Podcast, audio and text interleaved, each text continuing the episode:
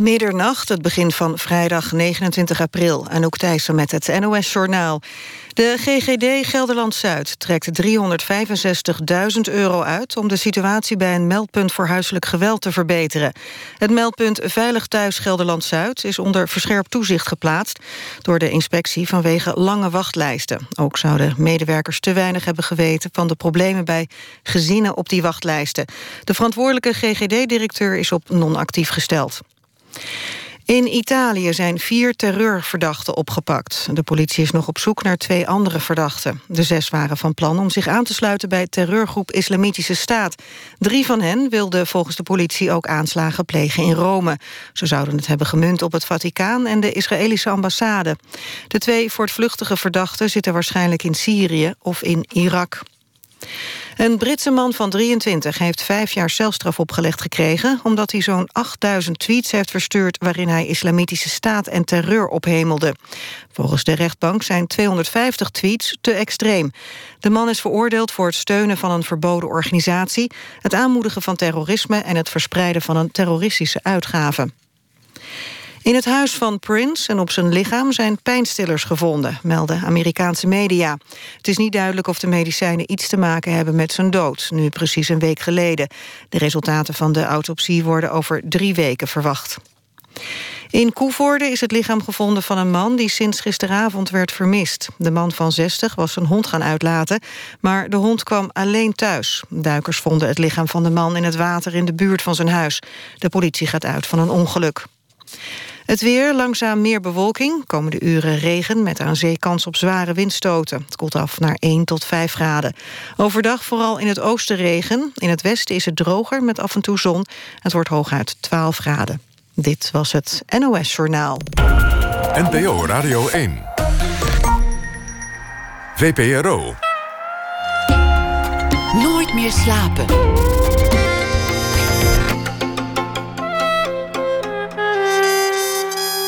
Met Pieter van der Wielen. Goedenacht en welkom bij Nooit meer slapen. F. Vat de voorbije dag samen in proza.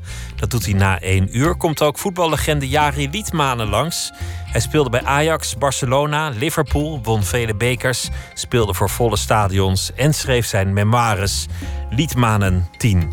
We beginnen met Fidan Ekis, De Pen en het Zwaard. Is een documentaire reeks gemaakt voor de VARA. Fidan gaat daarin op zoek naar de persvrijheid in landen waar die persvrijheid niet vanzelfsprekend is. Rusland bijvoorbeeld, Oeganda en de eerste aflevering in Turkije. En die aflevering kon niet actueler vallen na alle ophef van de laatste periode over president Erdogan versus Beumerman in Duitsland en Ebru Umar hier in Nederland.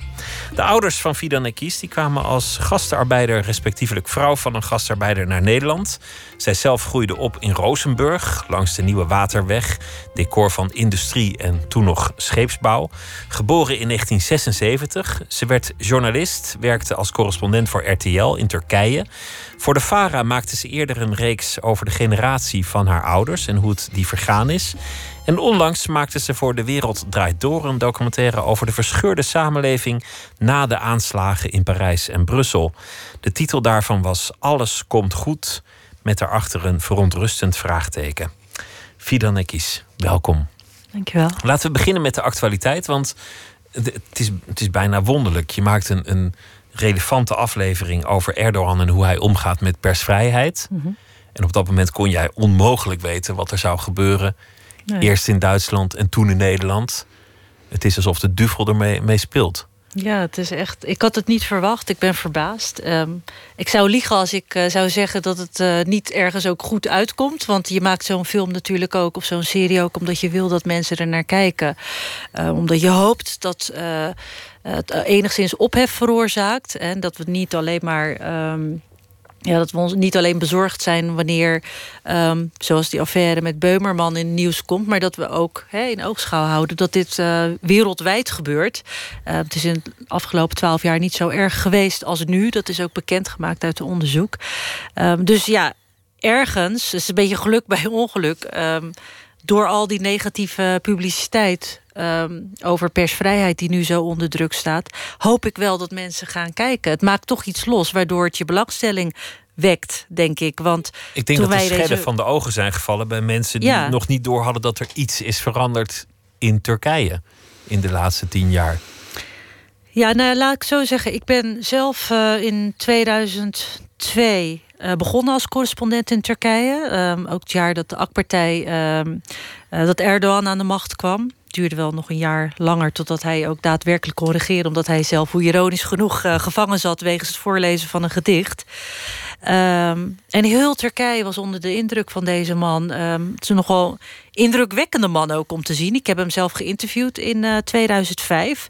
Uh, voor een Turkse man ook vrij lang. Hij is bijna twee meter. Um, grappig ook. Want er wordt nu gezegd, Erdogan heeft totaal geen humor, eh, lange tenen. Ja, goed, dat is ook zo. Uh, blijkt wel uit hoe hij zich opstelt. Uh, vooral naar journalisten toe. Uh, maar ik vond hem heel grappig. We hebben over voetbal gepraat. het was gewoon een leuk, ja, charismatische man ook.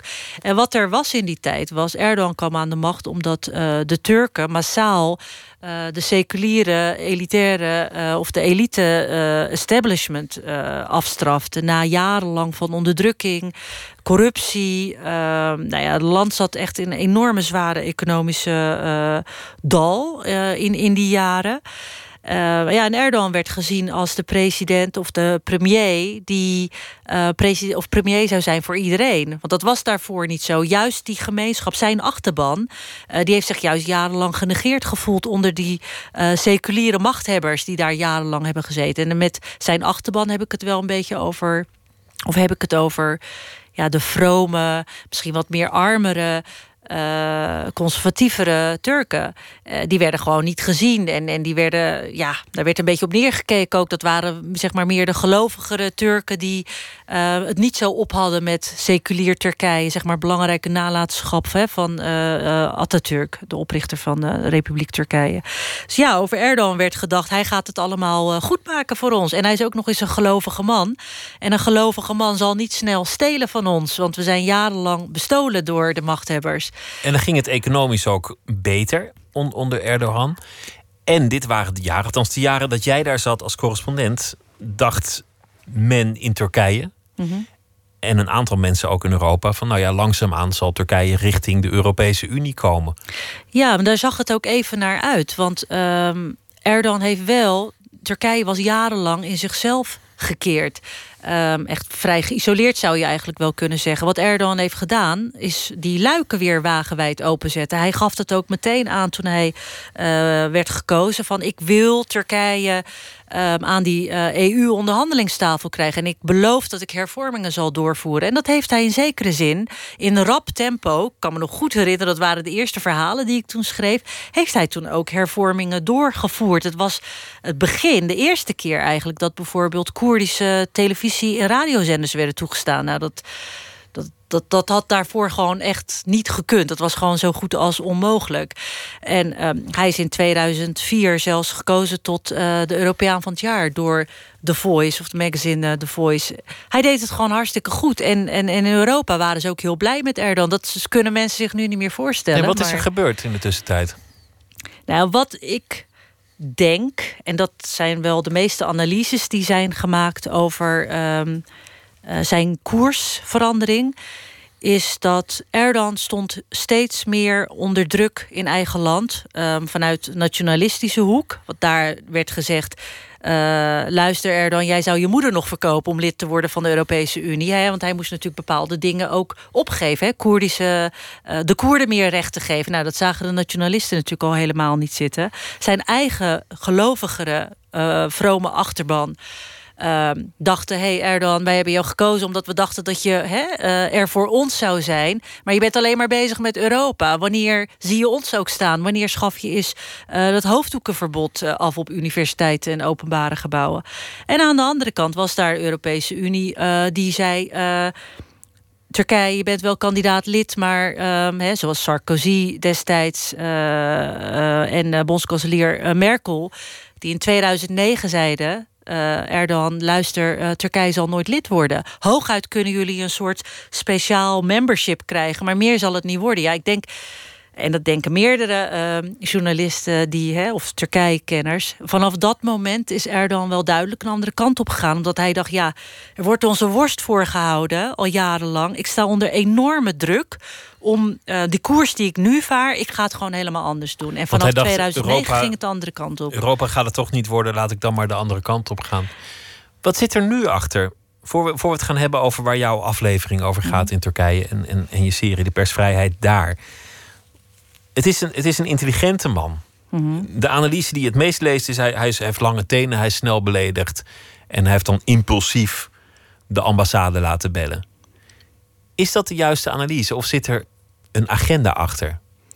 Wil hij iets bereiken met intimidatie van mensen in Nederland, in Duitsland? Ik denk dat er meerdere uh, factoren meespelen. Ik denk aan de ene kant um, is hij het zat, zoals vele Turken trouwens, uh, dat Turkije dus jarenlang te horen krijgt van... Hè, uh, misschien zijn jullie ooit uh, um, lid van de worden jullie ooit lid van de Europese Unie. Turken voelen zich een beetje afgewezen. De Turkse trots. Uh, we zullen er nooit helemaal bij horen. We worden voor de gek gehouden. Dus ik denk in zekere zin ehm, heeft hij zich heel lang... ja, afgewezen gevoeld. Aan het lijntje gehouden. Aan het lijntje gehouden gevoeld. Dus, dus is, dit een, soort emotioneel payback time voor hem? Het is een emotioneel punt ook. Tegelijkertijd ja, wordt in Turkije zelf ook gezegd van hij is doorgedraaid. Het is gewoon. Uh, machtspositie die, de machtspositie die hij ook heeft. Hij weet dat hij populair is. Hij is meerdere malen met uh, grote meerderheid uh, gekozen.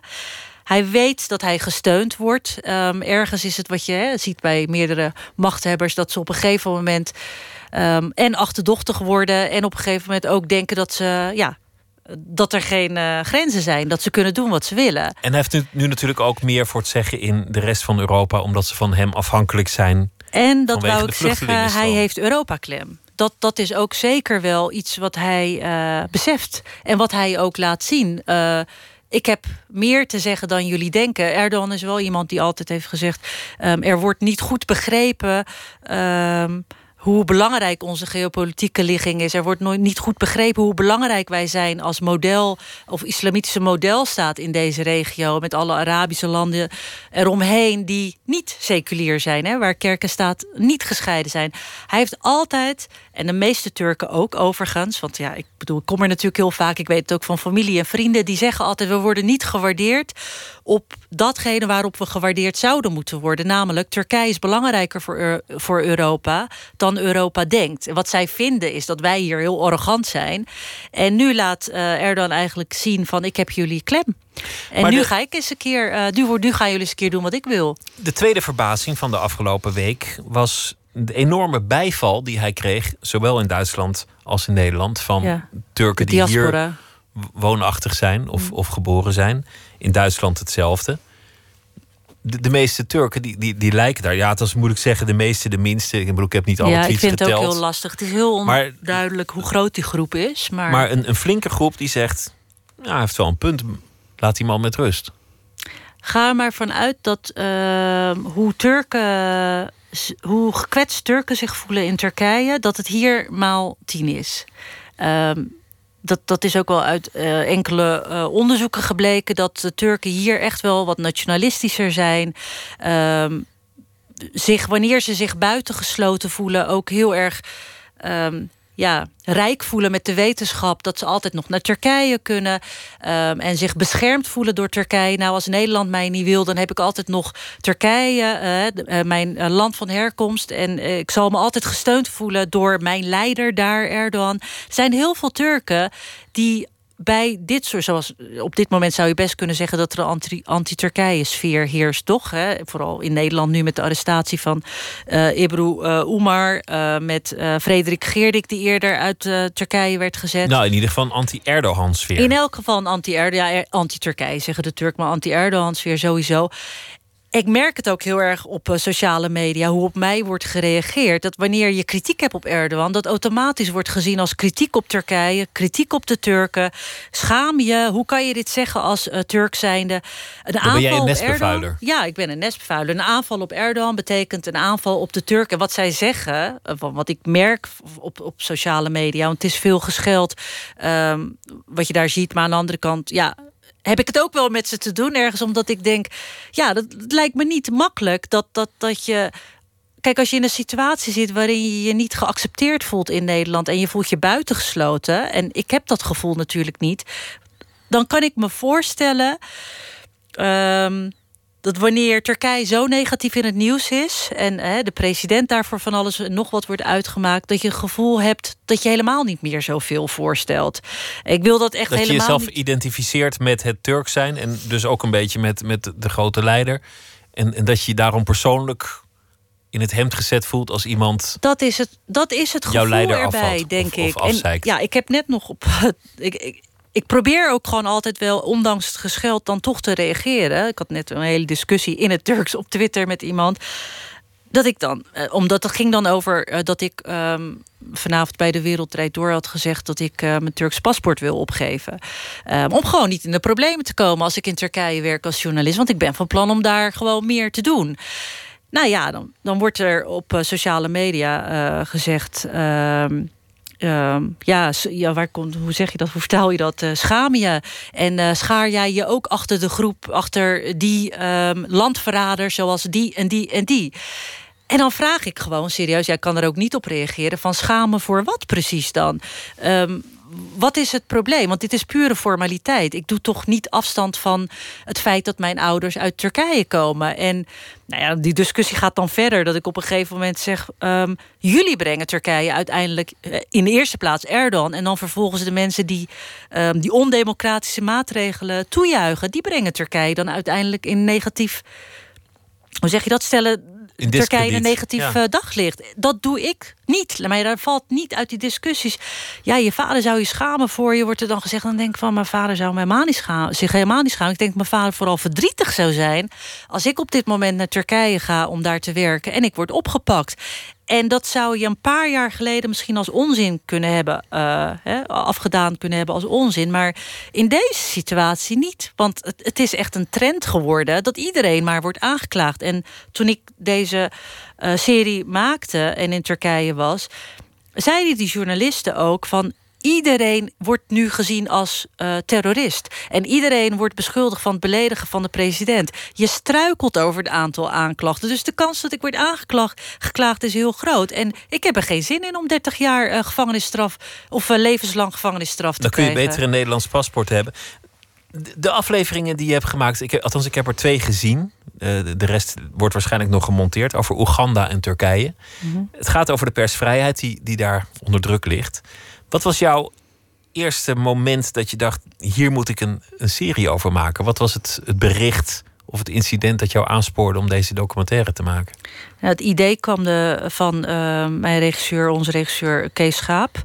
Um, hij had al langer het idee van we moeten iets doen met persvrijheid. Um, had ook natuurlijk te maken met Charlie Hebdo en alles uh, daaromheen. Um, Pen en Zwaard, hè, daar komt die titel ook een beetje vandaan. En hij vroeg mij of ik dat, want ik heb samen met hem Veerboot naar Holland gemaakt, die serie over wat je net noemde over immigratie van uh, geschiedenis van mijn ouders. En hij vroeg mij of ik uh, dat samen met hem wilde doen. Het zijn vrienden, zijn collega's. En hij weet van mij dat ik wel iemand ben die ja, wel kritisch. Uh, hoe zeg je dat? Ja, bewogen is en um, slecht tegen onrecht kan. Uh, hij weet ook dat ik fan ben van uh, Oriana Fallaci. Uh, dat ik altijd een journalist heb willen zijn die, die, die de macht monitort. en onrecht boven water wil brengen. Dat weet hij van mij. Dus ja, ik paste ja. wat hem betreft heel goed. En daar staat het onder druk in, in die landen waar je naartoe gaat. En dan weet je ook zelf weer waar je het eigenlijk voor doet. Want, want hier in Nederland is dat niet altijd even ja. helder, omdat het niet zo enorm onder druk staat. Ja. Ben je geschrokken van wat je in, in Turkije aantrof? Je, je spreekt met verschillende redacties die zijn aangevallen. Ja. Hurriyet, de, de bekendste krant, is een, is een paar keer door een menigte bestormd. Krijgt Mhm. permanente beveiliging. Je spreekt met de Turkse Charlie Hebdo, een, een cartoonblad. Ja. Waarvan eigenlijk alle redacteuren moe worden van de bedreigingen. Mhm. De secretaresse aan het eind van de dag huilend de telefoon in, in haar hand heeft en nog trillend. En iedereen gevangenisstraf boven het hoofd hangt. Ja. Ben je geschrokken? Ja, zeker. Ik ben echt geschrokken. Omdat, wat ik al zei, ik heb er natuurlijk heel lang gewerkt. En um, ik zal niet zeggen dat het toen nou zo heel erg makkelijk was. Vooral werken in het zuidoosten van Turkije was best ingewikkeld. Want het was de tijd waarin je moest oppassen voor uh, de MIT. Dus zoiets als de, de veiligheidsdienst, de Turkse KGB, zoiets. Um, en... Uh, ja, daar werd je wel altijd gewaarschuwd van uh, telefoongesprekken kunnen worden afgeluisterd. Wees voorzichtig met wie je spreekt. Uh, maak jezelf niet verdacht. Maar ja, verder vond ik eigenlijk wel dat ik, ja, wat ik al zei, het was een periode waarin Erdogan net aan de macht was en dat je best wel vrij was om te doen wat je wilde. Dus om dit nu te zien, um, toen, toen we daar waren om te filmen, um, ja, was hartverscheurend ook wel. Want het gaat me ook wel aan het hart. Ik bedoel, mijn ouders komen daar vandaan. Ik kom er ook vaak op vakantie. Um, ik ken die mensen. Het zijn mijn collega's. Ik heb met ze samengewerkt. Of het zijn vrienden. Om te zien dat die mensen niet eens vrijuit op de redactie kunnen praten over hun werk. En, en, en de zelfcensuur die ze moeten toepassen. Omdat ze bang zijn dat hun collega's um, dat kunnen horen en ze misschien zullen aangeven bij um, de hoofdredacteur, die dan Erdogan gezind is, uh, in, in, in die gevallen die, ik, uh, heb, uh, die we hebben gefilmd. Ja, dat vind ik heel erg. Dat je niet weet wie je wel kunt vertrouwen en wie niet. Het is gewoon ontzettend heftig. Dat je verklikt kan worden door je eigen collega's. En um, die angst, die angst waarmee we af moesten spreken met journalisten die dan waren ontslagen. En ja, dan een soort van besmet zijn. Um, dat ze ook zeggen dat collega's hun niet meer willen spreken omdat ze bang zijn om ook ontslagen te worden. Want dat is die ene journalist die het zichzelf onmogelijk heeft gemaakt... en die wordt gezien als een verrader, want is uh, ja, kritisch op de regering bijvoorbeeld. Ja, dat we dan echt in het park moesten afspreken en... en uh, de angst ik denk van dat je, die journalisten. Verschrikkelijk gewoon. Ik denk dat je altijd moet kunnen blijven lachen om je leiders. Dat gebeurt ook in, in Turkije. En ja. als het niet rechtstreekse satire is, dan zijn het wel bloepers dit is een moment dat, dat in jouw film voorkwam en, en elke Turk schijnt het te kennen. Erdogan is zijn stem kwijt, ja. maar moet toch het uh, congres toespreken en doet het dan zoals je dat doet als je geen stem hebt met een uh, schrijnende falset, maar verder bloedserieus. Çamura mahkum ettiler. Kanalizasyonlara mahkum ettiler. Susuzluğa mahkum ettiler. Buna artık van dur demeye var mısın? Ja, Hilarisch natuurlijk. Ja, het lijkt vervormd, maar dit is dus gewoon echt. Dit is, en hij is ook zelf bloedserieus en doet alsof er verder niks... Alsof er niks aan de hand is. Ja, dat is toch geweldig. Ja, ik moet wel zeggen dat hij krijgt het wel over zich heen op sociale media. En wat, wat, wat ik blijf zeggen is ook dat mensen soms denken dat, dat de journalisten, um, daarom is zo goed die aflevering van Turkije, dat je ziet dat heel veel journalisten gewoon doorgaan met wat ze doen. Ook desnoods als dat betekent dat ze opgepakt kunnen worden. Het is niet zo dat je daar helemaal geen kritiek uh, zou kunnen leveren. Um, en die cartoons die je ziet op, uh, uh, op sociale media over Erdogan, nou, dat, dat gaat echt allemaal best wel ver tijd terug. Nou, laat ik het zo zeggen dat toen we de serie daar aan draaien waren, dat ik dacht van, nou, dit gaat allemaal best wel ver en ze komen er nog wel mee weg. Die gedachte, daar ben ik nu wel een beetje vanaf. Inmiddels denk ik wel dat iedereen moet oppassen. Er wordt al wel natuurlijk volop zelfcensuur toegepast, maar ook de um, gewone twitteraars, zeg maar, de burgerjournalisten, of hoe je ze ook wil noemen, uh, op sociale media. Ik denk dat iedereen op dit moment wel het risico loopt om aangeklaagd te worden. De aflevering over Oeganda was, was nog heftiger. Daar worden journalisten uh, op dagelijkse basis in elkaar gerost. En er is nauwelijks nog journalistiek. Je laat ook zien waarom het belangrijk is. Omdat mm -hmm. informatie mensen ook van onrecht uh, kan bevrijden. In, in sommige gevallen. Maar ik wil het straks over andere dingen hebben. Eerst gaan we luisteren naar uh, Travis, een Schotse band. En die hebben een nummer met de titel Three Miles High.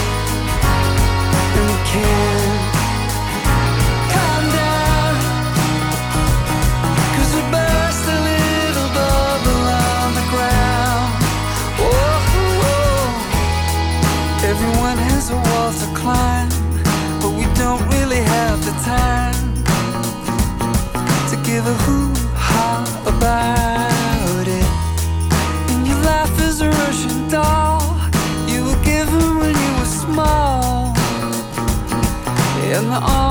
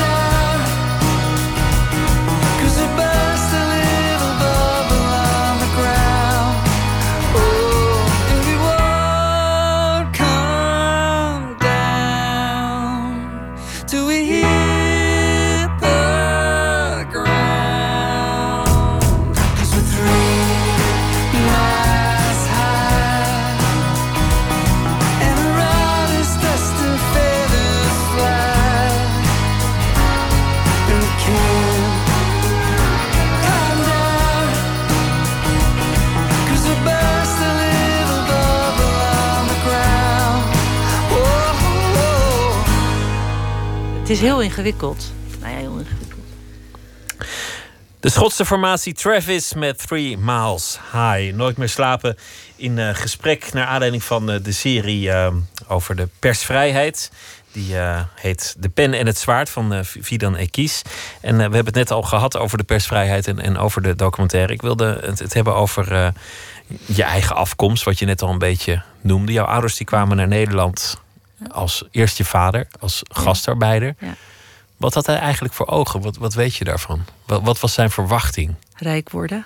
Rijk worden, een tijdje hier hard werken. Terugkomen als een teruggaan. gefortuneerd man met een mooi pak en een goede auto. Dat was wel de Trouwen, bedoeling. doorgaan Ja. met je leven. Dat was wel de bedoeling. Ik vraag hem ook in de serie Veerboot naar Holland. ehm, je bedoeling was om ooit rijk te worden in Nederland. Ehm, heb je het gevoel dat het gelukt is? Ik dacht, hij gaat er een beetje omheen praten. En dan van, nou ja, goede, goede ehm, kansen gekregen toch in Nederland. En hij zei gewoon echt gewoon heel direct...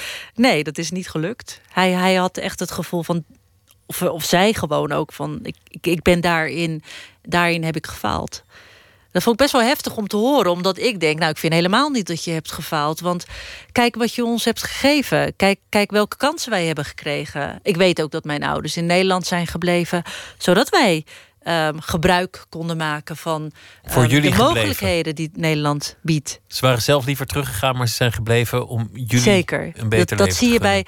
Daarom, iemand vroeg mij laatst: hoe, hoe komt het toch dat ehm, Turkse, Marokkaanse Nederlanders zo bezig zijn met die eerste generatie, met hun ouders, daar films over maken, boeken over schrijven. Dat zie je veel. Hè. De laatste tijd komt ook een beetje, denk ik, omdat onze generatie die leeftijd heeft bereikt, dat je een soort van eh, zelfreflectie gaat doen en ehm, opgeeft toeschouwer te zijn, maar het verhaal van je ouders gaat vertellen. Ja, dat komt uit omdat we zoveel respect hebben voor ehm, de opofferingen ook die ze hebben gemaakt. Want dat zie je bij meerdere ouders van die eerste generatie gastarbeiders. Dat ze op een gegeven moment, ondanks een heimwee naar hun huis, ondanks een heimwee naar hun eh, familie, toch hier zijn gebleven. Omdat ze natuurlijk zelf ook wel beseften van ja, we verdienen hier niet heel veel. eh, maar we zijn hier toch wel beter af. Ik bedoel, hè, Nederland, eh, ehm, in Turkije, als je werkloos bent, sta je gewoon op straat hoor. En je kinderen zijn vooral beter af. Jou- jouw moeder trouwde met je vader toen hij hier al woonde. Hij ging Ja. terug naar Turkije om een echtgenote Ja. te zoeken. Je, je moeder zag hem aankomen in een grote bolide. In een mooi pak. Hij had het voor het zeggen. Ze was niet meteen verliefd. De geldkoning van Hollanda, zo werd, hij werd mijn vader gezien. En mijn moeder had al over hem gehoord. Zijn blitse groene BMW, zelfs toen. Ehm, nee, zij was verliefd op een ander. Ehm, toen eh, mijn eh, vader op vakantie was in eigen land, in Turkije. eh, en zeven vrouwen, zegt mijn moeder altijd... zeven vrouwen hebben ze hem getoond om te trouwen. Hè? Zo ging dat toen. Hij kon kiezen, ja. Hij kon kiezen en ehm, nou ja, ik weet niet of hij al een keuze had gemaakt of niet, maar op een gegeven moment zag hij mijn moeder en eh, toen was hij helemaal verliefd. En mijn moeder wilde er niks van weten, want die had hele andere plannen. Die wilde helemaal niet eh, sowieso niet trouwen met iemand die tien jaar ouder was. Dat was toen natuurlijk ook al wel een beetje een ding. Ehm, en eh, ja, ze was verliefd op een ander. Dus dat, dat zat er gewoon niet in dat dat ging gebeuren. En uiteindelijk heeft mijn vader mijn moeder toch uh, ja, weten te overtuigen. Ze is toch verliefd op hem geworden. Wat, wat hoopte je moeder te vinden? Wat, wat voor beeld had je moeder? Nou, mijn moeder dacht uh, bij Nederland wel... ik ga ja, die had wel de verwachtingen van ik ga naar Parijs. Uh, een geweldige stad en uh, modern en mondain leven. En ze, het verhaal vertelt ze altijd zo mooi dat ze s'avonds landde op uh, Schiphol. En toen met mijn vader dus naar Rozenburg ging, waar mijn vader woonde. En had al een huisje en alles was ingericht voor mijn moeder. En wachtte tot je vrouw er is. En zij was helemaal zenuwachtig van, oh god, ik ben in Nederland. En op een gegeven moment reden ze Rozenburg binnen.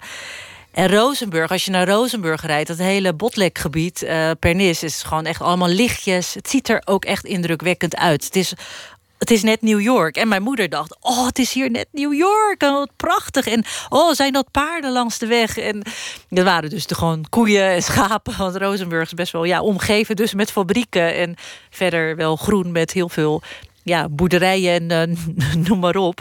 Dus ze was heel erg uh, teleurgesteld toen ze zag dat ze ja, toen in een op soort ja, voor haar, hoe noemt ze dat, dan uh, platteland uh, was geëindigd. Want dan had ik net zo goed in Nederland kunnen blijven. Ze wilde het dorp ontvluchten en kwam alsnog in een dorp ja. terecht. De, de traditionele denkfout van, van, van de gastarbeiders was... je hoort een bedrag dat astronomisch is, in, in Turkse getallen ja. omgerekend. Dan ga je naar zo'n koud land in het noorden... maar dan blijkt je daar ook gewoon huur te moeten betalen... en gas, water, elektra, belasting. Mm -hmm. En dan blijft er niet genoeg over om terug te gaan. Bovendien werd er gefeest in die eerste generatie. Het, het, waren avonturiers, het waren mensen die hielden toch te veel van het goede leven om, ja. om, om te sparen. Je vader vindt zichzelf eigenlijk een mislukking. Dat, dat is wat je, wat je net min of meer zei. Nou, wat hij tegen mij zei was dat hij zich op dat gebied mislukt voelt. Um, in die zin dat hij had gehoopt hè, dat hij uh, nou, rijk worden klinkt natuurlijk heel oppervlakkig. Dat was het niet op die manier. Kijk, je gaat als jonge man weg uit Turkije. Je, je familie is natuurlijk ook trots van... kijk, onze uh, zoon als uh, avonturier naar Europa gaan... en hij gaat geld voor ons verdienen. Want ja, zijn familie had het verder niet heel goed in Turkije. En wat hij verdiende, een groot deel daarvan ging ook naar de familie. Omdat, ja, dat, dat, je hebt natuurlijk ook. Um, status is natuurlijk ook wel belangrijk. En trots is ook belangrijk hè, bij, bij uh, Turken vooral. Um, en zij wilde niet uh, zijn familie de indruk geven dat het allemaal niet was gelukt. Dus ik kan me wel herinneren dat veel van wat mijn vader echt heel hard werkend uh, verdiende naar de familie ging in Turkije. En. Uh, aan de reizen, aan onze zomervakanties in Turkije werd besteed. Dat, dat werd gespaard. En daar gingen we van op vakantie. Want ja, je wil je familie natuurlijk zien. Je, hebt, je mist je familie. Uh, dat was bij ons, ging het zo. Maar ik hoorde ook bij andere uh, Turkse gezinnen, in Rozenburg dan, dat er echt geld werd geleend uh, om uh, mee op vakantie te gaan. Of bij Weekamp van alles werd gekocht, zodat ze in Turkije konden doen alsof ze het heel goed hadden in Nederland. Dus het was gewoon heel belangrijk voor die mannen vooral om te laten zien dat ze wat hadden gemaakt van hun leven. En intussen ontzettend hard werken. In het geval van jouw vader. En niks verdienen, hè? Was dat de, scheepswerf? Hij was verknocht aan zijn, aan zijn werk daar. Zwaar ja. werk. Jij hebt allemaal mensen geïnterviewd, collega's van hem. Veel zijn jong gestorven. Ja, nou ja, mijn vader um, is echt de last man standing, zou je bijna kunnen zeggen. Want zijn generatie is echt uh, de mensen, de mannen met wie hij heeft samengewerkt, goede vrienden ook van hem, die zijn er niet meer. Echt, hij, als ik zou. Ik, ik had vorige week nog met mijn moeder dat we zaten na te denken over alle, al, al die mannen. En we gingen het lijstje af. Nou, dat zijn er echt ongelooflijk veel. En best wel, ja, eigenlijk voor Nederlandse begrippen, jong gestorven. Maar ja, wat wil je? Je, je werkt je hele leven um, tussen alle gifwolken daar um, in die fabrieken.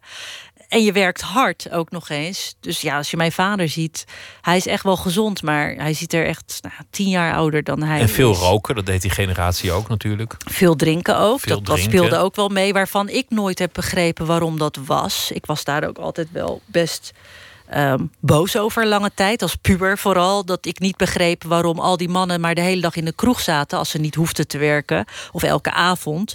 Eh, en die vrouwen maar thuis alleen zaten. Mijn moeder ook. Ehm, en die, die, had daar ook heel erg last van. Van waar, waarom ben je er niet en waarom drink je zoveel? Ik heb mijn vader daar eigenlijk voor het eerst. Want mijn vader is niet zo heel openhartig. Toen bij het maken van die serie. Heb ik daarnaar gevraagd. Van waarom was dat? En hij had samen met zijn collega's en vrienden, die ik ook dus ook heb gesproken, allemaal ze hetzelfde verhaal. Depressief. Niet um, hun doelen waar kunnen maken. Um, het gevoel hebben dat ze uh, hadden gefaald. Een jonge vrouw die um, teleurgesteld was of zou zijn, daar gingen ze dan automatisch vanuit kinderen die naar school moeten. Um, een plan om terug te keren naar Turkije, wat ook niet heel reëel was. Want wat moesten ze daar dan? Gemis van je familie. Het is ook een tijd van. Ik kan me herinneren dat mijn moeder zelf. Um, mijn moeder wil dat zangeres worden. Thuis dan op uh, cassetterecorder dan haar, haar, stem opnam en liedjes zong en gedichten. Heel eenzaam eigenlijk in zekere zin als je die bandjes niet... terug hoort. En mijn vader naar smartlappen luisterde. Iedereen zat in een soort eigen kokon. Ja, ja. En jij was dan als kind meer geïntegreerd dan je ouders hier. Jij, jij leerde de Nederlandse taal goed, want, ja. want hier was je geboren. Dit, dat kreeg je gewoon mee. Dus op een zeker ogenblik ben jij dan ook een soort ouderverzorger van je ouders. Ja, was, ja, op een gegeven moment draaiden die rollen zich om. Dat, dat was echt zo. Op jonge leeftijd uh, vulde ik al formulieren in. En uh, ging ik uh, overal mee naartoe als vertaler. Als ik ook maar een uurtje vrij had in mijn agenda... dan, uh, dan was ik met mijn ouders ergens iets aan het regelen... waar je dan veel te jong voor bent eigenlijk. Maar wij moesten ze in zekere zin... Ja, wel op hele jonge leeftijd al wegwijs maken... in een land waar ze de taal gewoon niet goed, van spra goed spraken. En, maar ook wegwijs maken in die zin van... Um, emanciperen. Hè? Want uh, mijn vader was eigenlijk een vrij strenge conservatieve man toen hij uh, naar Nederland kwam. En ik kan me nog goed herinneren dat, dat mijn zus bepaalde dingen gewoon niet mocht. Want hè, Turks meisje en wat zou de buurt wel niet zeggen. En sociale controle was natuurlijk groot, vooral in zo'n klein dorpje uh, als Rozenburg. En dat ik al wat meer vrijheden had. En mijn jongste zus al helemaal. Die, die, die ja, maar hoe ging dat? Want, want wat waren de vrijheden en hoe moest je die bevechten? Wat waren de momenten dat je vader met... Op jezelf wonen, bijvoorbeeld. Dat, dat, Z zonder man, zonder huwelijk, gewoon alleen ja, jij? gewoon. Ik, ik weet nog dat... Um, een vriendin van ons, de eerste was in Rozenburg. Nou, daar werd door sommigen uh, werd daar schande van gesproken. En anderen hadden zoiets van, nou ja, misschien wordt het wel tijd dat dat op een gegeven moment een soort eerste stap op de maan was dat. Uh, ik weet nog dat mijn vader daarvan zoiets had van, ja, waarom ook niet? Ik bedoel, tegenwoordig uh, wordt er niet zo jong getrouwd en moet je dan de heel, je hele leven dan maar thuis zitten. In die zin was het dus wel een vrij denkende Uiteindelijk man. wel. Uiteindelijk heb ik me daarin ook wel vergist eigenlijk. Dat ik dacht, uh, ja, goed, dat bij zijn eh, eigen familie in Turkije is dat echt niet gebruikelijk. Dus ik dacht, nou ja, vind ik wel heel progressief van hem dat hij er zo over kan denken en voor open kan staan. Later begreep ik ook dat hij bepaalde grenzen voor zichzelf stelde vanwege die sociale controle. Omdat hij gewoon niet wilde dat als hij naar die Turkse vereniging ging, dat mensen zouden zeggen: hé, hey, hoe zit dat met jouw dochter? Heb je daar ook de macht niet over? Heb je geen controle over je ja, dochter. Ja. ja, nou, maar dat zei ik al. Alles wat je in Turkije ziet, is dan hier dan ook wel meteen maal tien. Um, toen ik met de Nederlandse man thuis kwam, was dat ook wel van: oh god, uh, hey, dat was nogal wat. Terwijl in Turkije zeiden mijn uh, uh, tantes, zussen van mijn vader ook: nou ja, goed, goed, goed gescoord. goed hoor, en, oh, leuke man. En ehm, daar, daar werden ze, waren ze toch ergens wat vooruitstrevender, toch wel dat het gek is dat, dat je als je jong bent denkt van nou best wel conservatieve familie van mijn ouders.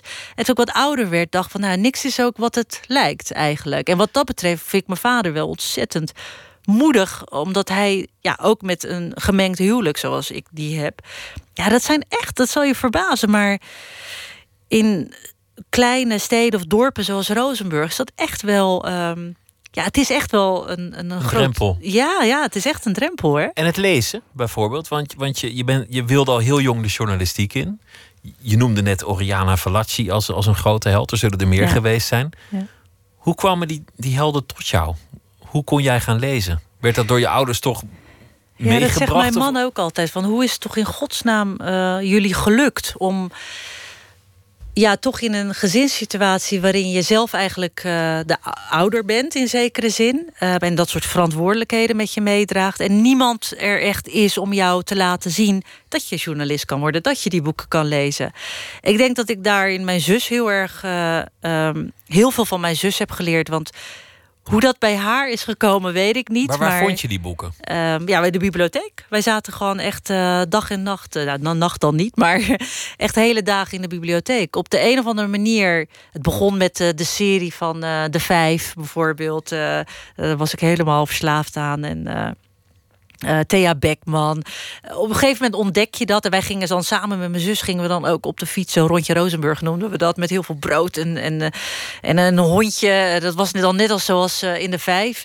We hadden een beetje een eigen fantasiewereld gecreëerd in zekere zin. En dat vonden we terug in die boeken. En mijn zus was ook iemand die echt... Uh, nou, Mies Bouwman en, en heel erg tegen mij, tegen mij dan zei van... Um, het is belangrijk dat wij die taal goed spreken, dat we hè, uh, um, volwaardig Nederlander zijn. En het is belangrijk dat we naar het nieuws kijken. Het is belangrijk dat we die praatprogramma's uh, kijken. Ja, als je dat al op je vrij jonge leeftijd doet, um, ja, dan, dan, dan ontdek je een wereld. Ja, het, gaat je, het zit waarschijnlijk dan ook sowieso in je DNA, denk ik dan. Maar... En toen was je journalist en, en heel snel in je carrière, relatief jong, onervaren kreeg je de kans om correspondent te worden ja. in Istanbul voor RTL. Was eigenlijk nog helemaal niet gezegd dat je dat wel zou kunnen. Het was eigenlijk een, nee. een, sprong in het diepe of van de hoge, of hoe je dat wil noemen. Je hebt dat gedaan, maar het was op, op twee manieren een grote stap. Want je ging ook terug naar dat land waar je ouders nooit terug zijn gekeerd. Nee, dat is eigenlijk heel. Uh, Wat hen niet is gelukt, dat deed jij alsnog. Ja, dat is heel gek hoe. Uh dat, dat merkte ik ook pas toen ik er zat. Want ik ging voor de geassocieerde persdiensten. Dus alle regionale kranten. RTL kwam er later bij. Dus ik ben eigenlijk gewoon ja, begonnen met uh, in de schrijvende pers. Rotterdams Dagblad. En op een gegeven moment werd ik uh, naar Turkije gestuurd... om daar uh, verslag te doen vanuit de Turkse-Iraakse grens... over de inval in Irak toen. En dat ging goed. En toen mocht ik daar, ja, ik werd echt gebeld met uh, ga maar een huis zoeken in Istanbul. Je kan beginnen. Ik had al wel aangegeven dat dat uh, mijn ambitie was. Dat ik daar heel graag correspondent wilde worden. En dat was in het begin ontzettend spannend. Totdat je op een gegeven moment dus heimwee kreeg naar huis. En uh, wat dat betreft ben ik echt een softie blijkbaar. Maar ik kreeg vrij snel heimwee. En ik was zo'n workaholic dat ik gewoon niet zo snel terugging naar Nederland. Terwijl het is natuurlijk verder heel dichtbij. Maar dat ik dacht, wat bizar. Dat ik heb de mogelijkheid om ze gewoon te mailen, om te skypen toen al. En um, nou ja, een ticket uh, van mij vandaan. Ik uh, verwijderd. Ik kan zo terug naar Nederland. En toen ging ik nadenken over hoe dat voor hun moet zijn geweest. Omdat zij de, stuurde telegram. Mijn moeder wist pas drie maanden later dat haar moeder was overleden. En niet dat ze wilde het haar ook niet vertellen. Maar alles ging toen enorm traag. Omdat ja, je kon niet even makkelijk bellen of even een brief sturen of zo. En uh, ja, toen ik daar zat, besefte ik hoe bizar het was dat ik dan wel, nou niet teruggekeerd is het niet, ik ben natuurlijk gewoon in Nederland geboren, maar dat ik daar zat en zij niet. Dat ik hun vertelde um, hoe het met hun familie ging en hun op de hoogte hield van. Was het ook een, een persoonlijke, persoonlijke drang om daar naartoe te gaan, om, omdat het toch zo'n grote rol had gespeeld tijdens de vakanties, omdat het de heimwee van je ouders was, omdat je misschien zelfs overwoog om er te gaan wonen? Want er zijn veel mensen van jouw generatie die ergens die gedachte koesteren van nou, als ik geld heb, ga ik in Marokko wonen. Of als ik geld heb, ga ik naar Turkije. Om, om naar het land van hun Mhm. ouders te gaan. Dat het ergens in het achterhoofd toch is blijven hangen. Ik. Mm, bij mij had het meer te maken met dat ik gewoon echt uh, een journalist wilde worden, zoals Oriana Fallaci. En dacht: Turkije is de makkelijkste eerste stap. Want ik spreek de taal. Ik had er, er stage gelopen veel. en er gebeurt veel. Um, ik uh, was altijd wel geïntrigeerd door uh, Istanbul. Vond ik een geweldige stad. En ik zag me daar al helemaal wonen. Um, het was niet zozeer um, het verhaal van op zoek naar je roots. Um, of ik, ik, ik voel me niet thuis in Nederland. Dus ik ga kijken wat er uh, voor mij is in uh, Turkije zelf. Of ik zal er blijven wonen. Ik zag het echt als een, meer als een experiment. Um, en um, ja, om te leren sowieso. En omdat ik dat soort journalist wilde zijn. Omdat je in Turkije is natuurlijk heel veel macht om te controleren. En dat vond ik spannend. En ik ging er niet vanuit dat ze me dan al meteen naar Amerika of zo zouden sturen. Maar Turkije was gewoon, ja, logischere, makkelijkere stap. Het heeft me ook heel veel gebracht. Ik ben blij dat ik het heb gedaan toen. We gaan luisteren naar eh, Florence Welch. When in disgrace with fortune and men's eyes.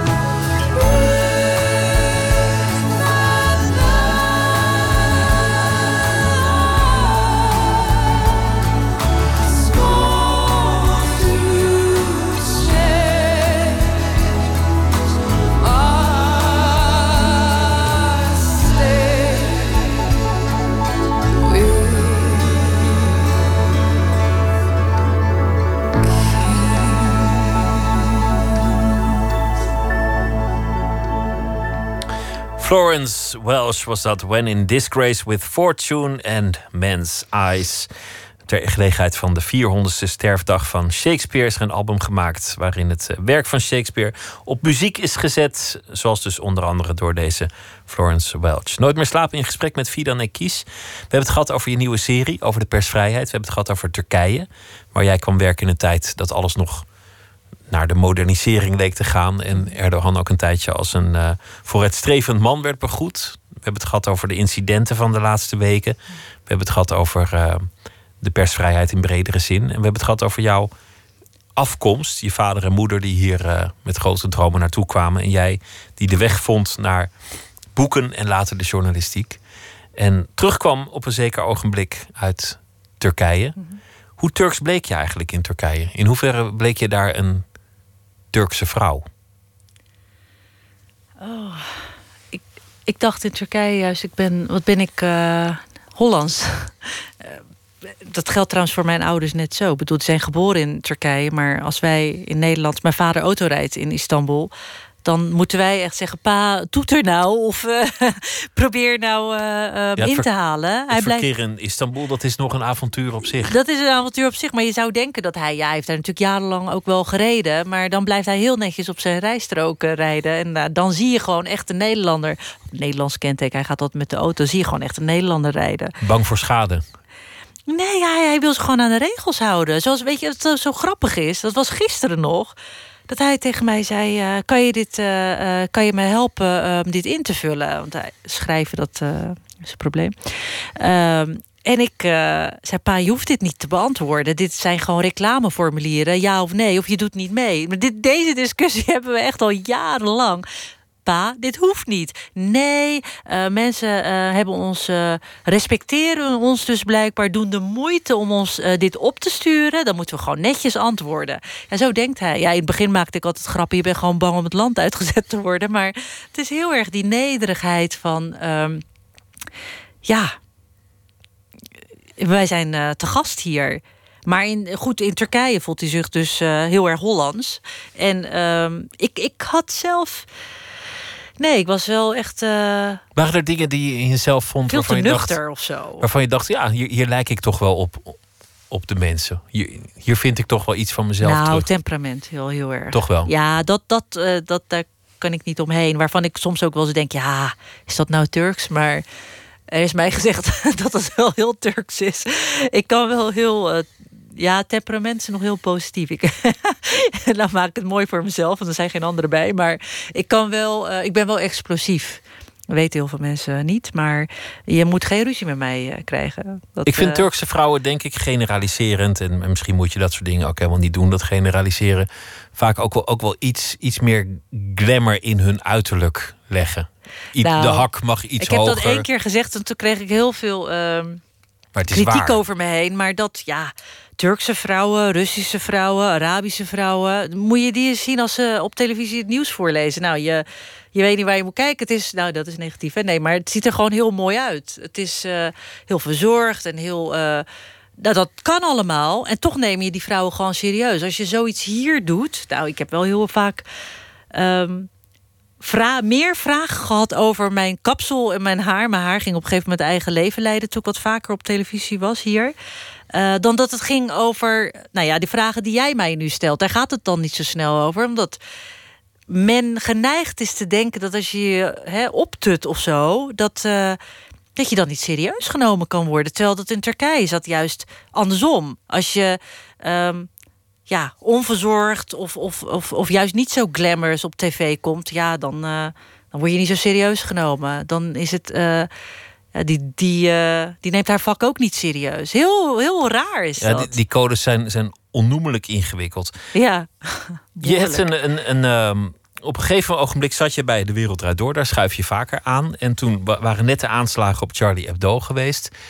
En toen, toen zei jij in een verhitte discussie... waarom spreken zo weinig moslims zich uit? Als je, als je niet wil dat mensen jou aanspreken... op een groepje radicalen binnen je religie... Ja.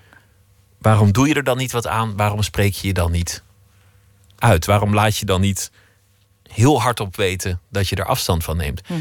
Je kreeg een, een, een storm over je heen. Nou is Ja. dat sowieso een onderwerp waar iedereen vrij makkelijk hysterisch in wordt. Ja. Zeker op sociale media. Als het gaat over moslim en moslimradicalisme, dan gaat iedereen op tafel staan gillen en stampen. Dat is nou eenmaal Dat zo. is echt zo, ja. Maar het, het werd voor jou het begin van een, van een onderzoek. Wa- Wat wilde je te weten komen? Nou, ik bracht het overigens iets minder genuanceerd. Ik zei moslims moeten zich uitspreken. Ehm, ik zei niet waarom spreken zich niet uit. Ja, dat bedoelde ik eigenlijk ook. Maar ik, eh, men vond dat ik het erg bracht als een. ehm, hoe zeg je dat? eh, soort, opdracht. Een opdracht van jullie moeten. Dus daar krijg Ja. je al heel snel een reactie van. eh, Ik moet je hebt mij niks te Ja. vertellen. Nee.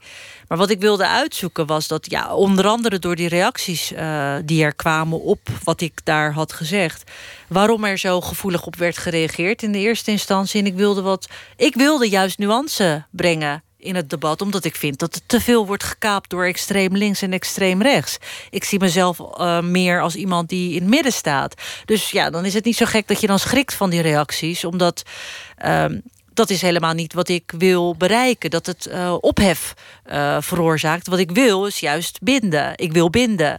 En als ik merk dat wat ik doe niet werkt... dan ehm, ja, lijkt het mij, vooral als journalist zijnde... of als opiniemaker zijnde, dat je gaat uitzoeken... eh, hoe je dat wel kan doen. Waar het hem in zat. Waarom er zo boos op werd gereageerd. Ehm, nou, dat heeft een hele interessante, spannende zoektocht opgeleverd. Je kunt die, die tegenreactie ook wel voorstellen. Dat, dat mensen namelijk zeggen: ik word zo vaak aangesproken op iets dat niks met mij te maken heeft. Ja. Ik ben vredelievend, ik, ik hou me aan de wet. Oké, ik lig af en toe misschien op een, op een matje richting Mekka, maar ik doe niemand kwaad. Ja. Wat heb ik ermee te maken? Ik kan me die reactie ook wel ik voorstellen. begrijp het ook. Ik begrijp het ook wel. Ik denk, ehm, mijn reactie toen eh, bij de Wereldrijd door... Ik was best wel geëmotioneerd. En dat had te maken met een gesprek wat ik met mijn vader had gehad over die aanslagen. En de reacties ehm, vanuit de samenleving op moslims in Nederland. En toen ik van mijn vader hoorde dat zijn buur, buren hem niet meer wilden groeten. Eh, ik weet, ja, dat, daar, word ik heel verdrietig van. En ehm, op de een of andere en vervolgens had ik weer gesprekken met eh, andere eh, Turkse Nederlanders. Ehm, als ik dan zei, waarom blijft het zo stil? Waarom reageren moslims eigenlijk niet? Waarom zijn ze hier niet boos over wat er gebeurt? Want mijn vader denkt er wel zo over. Kreeg ik hele geïrriteerde reacties van... waarom zouden we? We hebben het al zo moeilijk en we zijn al een minderheid. Ik denk die hele mix van alles wat ik te horen kreeg... heeft mij op een bepaalde manier emotioneel gemaakt... waardoor ik zei wat ik zei. Ik denk dat dit tegelijkertijd um, het uitspreken... dat ik dat ook zag als een manier van... als we er nou allemaal afstand van doen... dan weet iedereen waar mijn vader staat. Want mijn vader is geen moslimterrorist. Ik, op, op, op de een of andere manier had ik behoefte om te laten zien... Um, dat niet alle moslims uh, terroristen zijn. Dus ga allemaal de straat op. En wat zij zeiden was... nee, Fidan, door jouw oproep denken mensen juist... dat we allemaal terroristen Ja. zijn. En zo- ehm, vordert de discussie. Inmiddels moet gezegd dat zo'n beetje iedere organisatie in Nederland ook in, in zeer harde bewoordingen afstand heeft genomen na de, de aanslagen van 13 november. er, er lijkt wel iets veranderd. Maar wat ik interessant vind, is, is de rol die jij zelf dan ineens op je neemt. Ja. Jij zegt alles gaat naar de flanken. Iedereen wordt radicaler in zijn standpunt. En, en Ja.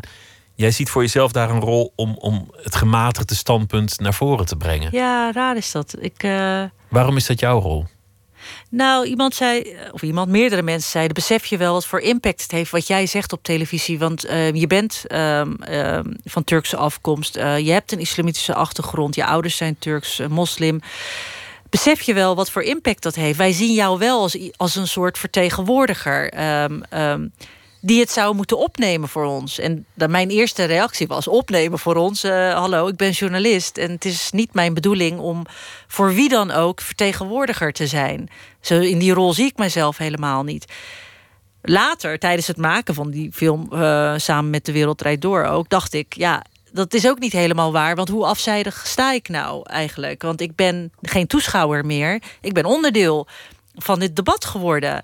Ehm, wat voor mij best wel interessant is, omdat ik eigenlijk heel lang heb, dat zie je ook wel een beetje terug in die serie Pen en Zwaard die we hebben gemaakt over persvrijheid. Dat ik heel lang heb ja, geleerd, ook op school natuurlijk. Je moet streven naar objectiviteit, je moet afstand houden. Juist als ehm, iemand van Turkse afkomst heb ik ook altijd geprobeerd dit soort onderwerpen een beetje te vermijden. Als het ging over de islam of over de Turken. Ik wilde allround journalist worden, dat was belangrijk. Ja, nu denk ik nee. Ik, ik, ik vind dat je juist. Dit is te belangrijk. Het debat over polarisatie in Nederland. en waar moslims staan. en wat er internationaal gebeurt. Hè, op het gebied van terreuraanslagen. eh, door extremistische moslims. Je kan niet meer ehm, vanaf de zijlijn toekijken. Het is te belangrijk. En wij dragen allemaal natuurlijk wel bij aan. ehm, of wij zouden allemaal bij, moeten, allemaal bij moeten dragen aan een veiliger eh, Europa, veiliger Nederland. Dus je bent uiteindelijk een natuurlijk ook. betrokken journalist geworden. Dat Uiteindelijk, is ja. Heel de, de gek. verandering. Nou zal je zeggen dat dat eigenlijk een beetje ontstaan is sinds mijn optredens bij De Wereld Draait Door. Ik werd daar deze week nog over geïnterviewd van... ja, hoe zie jij je rol daar? En, en, en ehm, is er iets veranderd door de tijd heen? Ik denk van ja, ik ben... ehm, Sowieso krijg je natuurlijk meer zelfvertrouwen op een gegeven moment. Omdat je een drempel over moet, omdat je op tv moet. Ik ben altijd heel erg zenuwachtig, toch wel. Op een gegeven moment merkte ik dat... eh, dat wat ik eigenlijk wilde altijd, hè, de Oriana Fallaci, eh, bewogen, maatschappij kritisch, ehm, betrokken, dat ik dat nu doe, omdat ik daar ook een platform voor krijg bij de Wereldrijd Door. En daar heb ik ontzettend veel van geleerd. Ik heb mezelf in zekere zin als journalist eh, bij de Wereldrijd Door ook kunnen ontwikkelen. Ik, ja, ik heb, daar, ik heb me daar, en ik leer nog steeds. De serie eh, gaat verder, want we hebben het gehad over Turkije. Daarna komt Oeganda. Je gaat ook nog naar eh, Hongkong, Myanmar, Colombia Rusland. en Rusland. Allemaal plekken waar de persvrijheid het momenteel moeilijk heeft. Het heet De pen en het zwaard. Fidan en Kies, dankjewel. Was leuk dat je er was. Oh, we zijn al klaar. Ja, zo snel gaat Oh. het. oh, ja. Twee keer Nou, met je snel. ogen Jammer. knipperen en je bent er alweer. Dankjewel. Zometeen eh, in Nooit meer slapen. Jari Liedmanen, voetballegende, die komt eh, op bezoek. En F. Starik vat de voorbije dag samen in proza. Twitter, het VPRO NMS.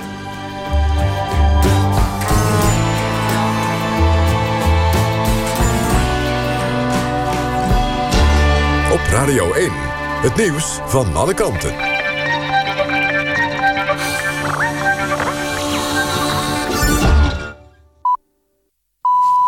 1 uur, Anouk Thijssen met het NOS-journaal. In het conflict in Oekraïne zijn volgens een telling van de Verenigde Naties... bijna 10.000 mensen omgekomen en ruim 21.000 gewond geraakt. Het conflict brak twee jaar geleden uit, in april 2014. Volgens de VN is het geweld de laatste weken weer opgeleid... tot het niveau van augustus 2014. In die periode waren de, de gevechten in Oekraïne het hevigst. Het laatste incident waarbij mensen omkwamen was woensdag. Vier burgers overleefden een beschieting in de buurt van Donetsk niet. Daarbij raakten acht mensen gewond.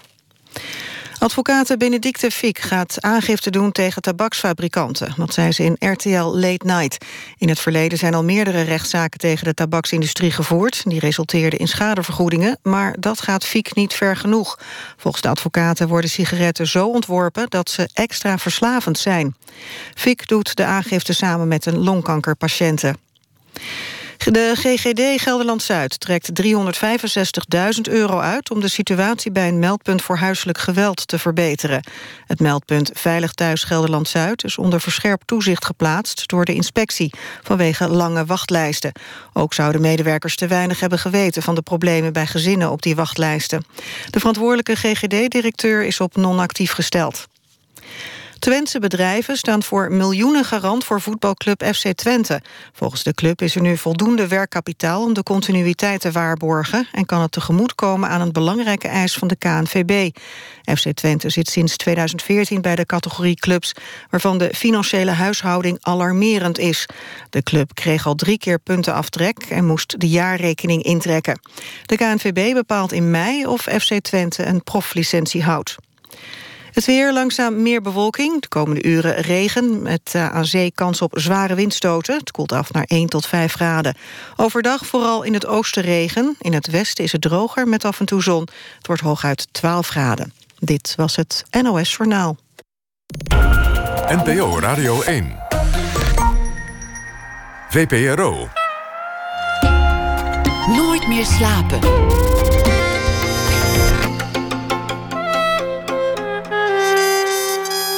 Met Pieter van der Wielen.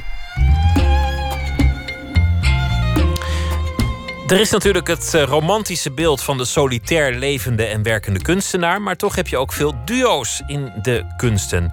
Die alles samen doen. Gilbert en George, Victor en Rolf. Maar hoe doe je dat eigenlijk? Samen kunst maken. Zometeen op zoek naar de magie van het kunstduo. Oud-voetballer Jari Liedmanen komt langs. Hij vertelt over zijn boek Liedmanen 10, een autobiografie. Maar we beginnen met F. Starik, dichter en schrijver. En deze week zal hij elke nacht een verhaal maken bij de voorbije dag. Goeienacht, F. Starik. Hey, Nou, gisteren beklaagde je dat, dat ons polweer was voorspeld op Koninginnedag. Het zou ijskoud worden en dat viel eigenlijk best tegen, vond je. En vervolgens werd op de radio heel Amsterdam-West eh, kapot gezaagd. Dat was duidelijk hoorbaar. Staat, staat je wijk er nog? hoe staat het er vandaag bij?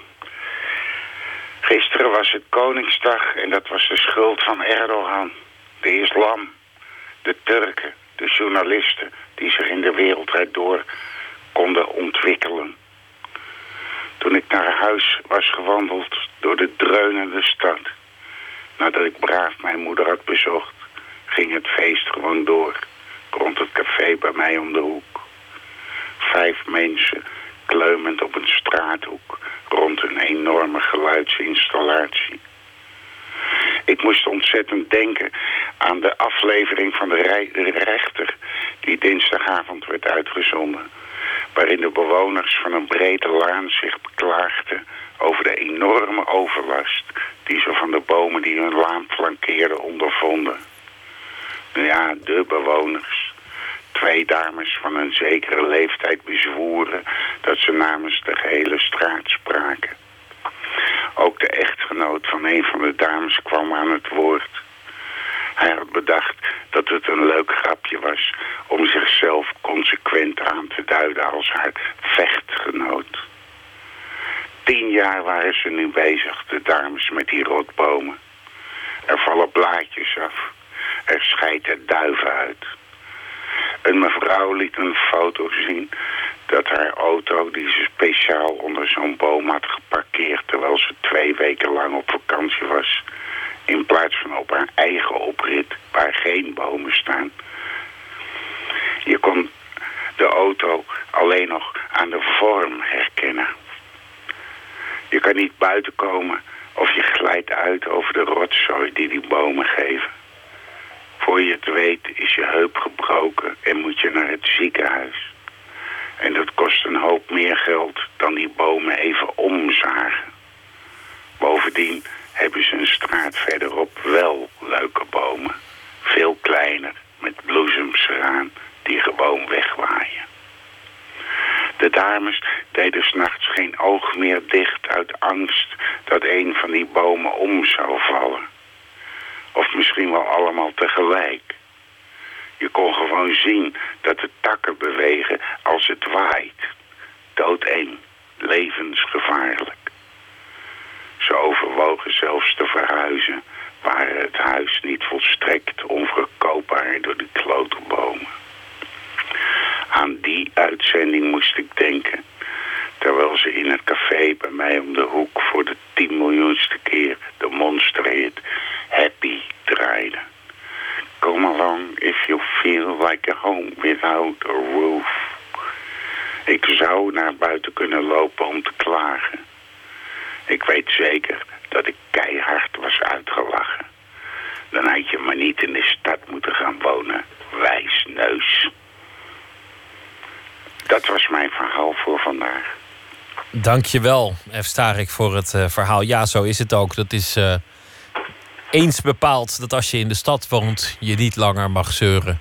En dat je alles van je kant moet laten gaan. Op de een of andere manier werkt dat zo. Dus je hebt het ook niet gedaan. Je hebt vannacht ook gewoon lekker wakker gelegen. En gewacht tot iedereen ging slapen. Ik heb heerlijk gewacht tot iedereen ging slapen. En ik zou de mensen adviseren om dat ook vandaag weer onmiddellijk te gaan doen. Goed, waarvan akte. F. Starik, dankjewel. En morgen graag weer een verhaal. Goeienacht. Hoi. Hoi. We gaan eh, luisteren naar eh, de volgende plaats. Ik moet eventjes zoeken waar ik hem ook alweer gelaten had. De Jayhawks.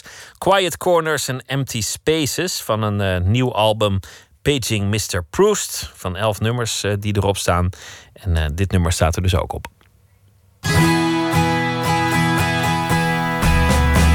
Aside Oh.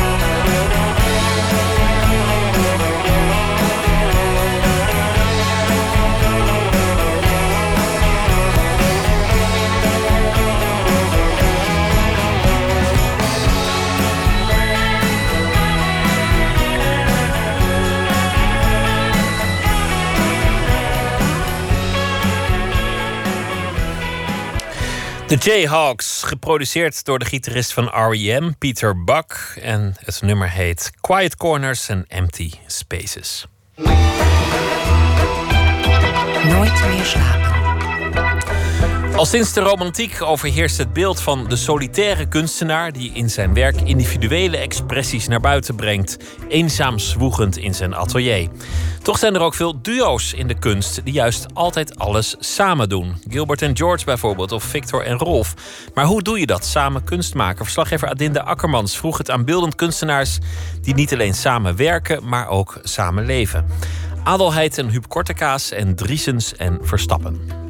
Op het moment dat Huub er niet meer zou zijn, zou ik ermee stoppen. Dan mis je toch dat complementaire, dat, dat, dat wat je samen hebt. En dan zou het alleen adelheid worden. And it burns, burns, burns. The ring of fire, the ring of fire. Adelheid en Huub Kortekaas zijn een bekend kunstenaarsduo. Ik ontmoette ze in het Tempelhof, hun huis en atelier in de buurt van Nijmegen.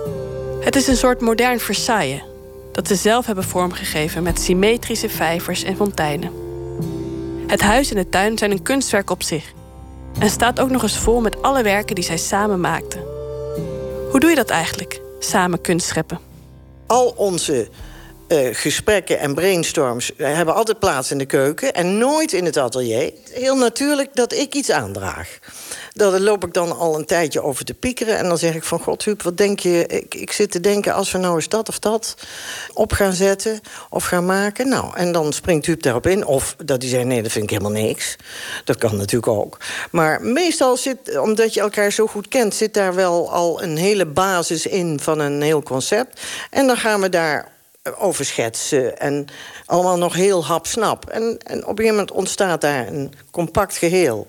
En als dat echt vorm heeft, dan gaat Huub naar het atelier. En die werkt dat uit. een aanvulling op geven.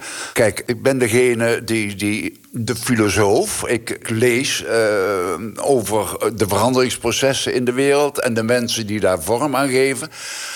En lees dus ook aan de keukentafel verhalen voor van dingen die ik tegenkom. En die inspireren Aarle dan onmiddellijk om, ja, hoe gaan we dat verbeelden? Dus het is het spel van aandragen en, en geven aan elkaar. Ze zijn niet altijd een duo geweest. Tenminste, niet voor het grote publiek. Alles wat zij maakten werd eerst tentoongesteld onder de naam van Huub Kortekaas. Uh, Arlet was 17 toen ik haar ontmoette en ik was 30. En ik was eh, al vijf jaar beeldend kunstenaar. Dus het ging eigenlijk vanzelf dat ik het gezicht naar buiten was. Maar in de loop van de jaren was, werden we ons steeds meer bewust... Het, het was het werk van twee mensen. En, en groeide natuurlijk ook in haar eigen eh, bewustzijn. En op een gegeven moment, ja, in gesprekken die wij hadden eh, over ons werk... waren de mensen alsmaar tegen mij aan het praten waren... terwijl het werk van twee mensen was. En, en ja, zat eigenlijk daar maar alleen als toehoorder bij. Nou, dat kon natuurlijk helemaal niet meer. De, de werkelijkheid was zo totaal anders. Dus ja. En toen kreeg ik er last van. En toen hebben we ook samen besloten, hoewel het heel moeilijk was. Want ja, je hebt al zo lang de naam Huub Kortekaas. Maar de werkelijkheid was natuurlijk anders. Ook Erwin Driesens en Maria Verstappen scheppen samen kunst. In een atelier waan je je deze dagen in een laboratorium. Op tafel staan erlenmeiers, maatglazen, microscopen en pipetjes. Ze onderzoeken of ze van hun eigen urine nierstenen en blaasstenen kunnen onttrekken. Het idee ontstond na een bezoek aan het ziekenhuis. Daar zagen ze hoe mooi urinestenen eigenlijk zijn. Een beetje vergelijkbaar met koraal.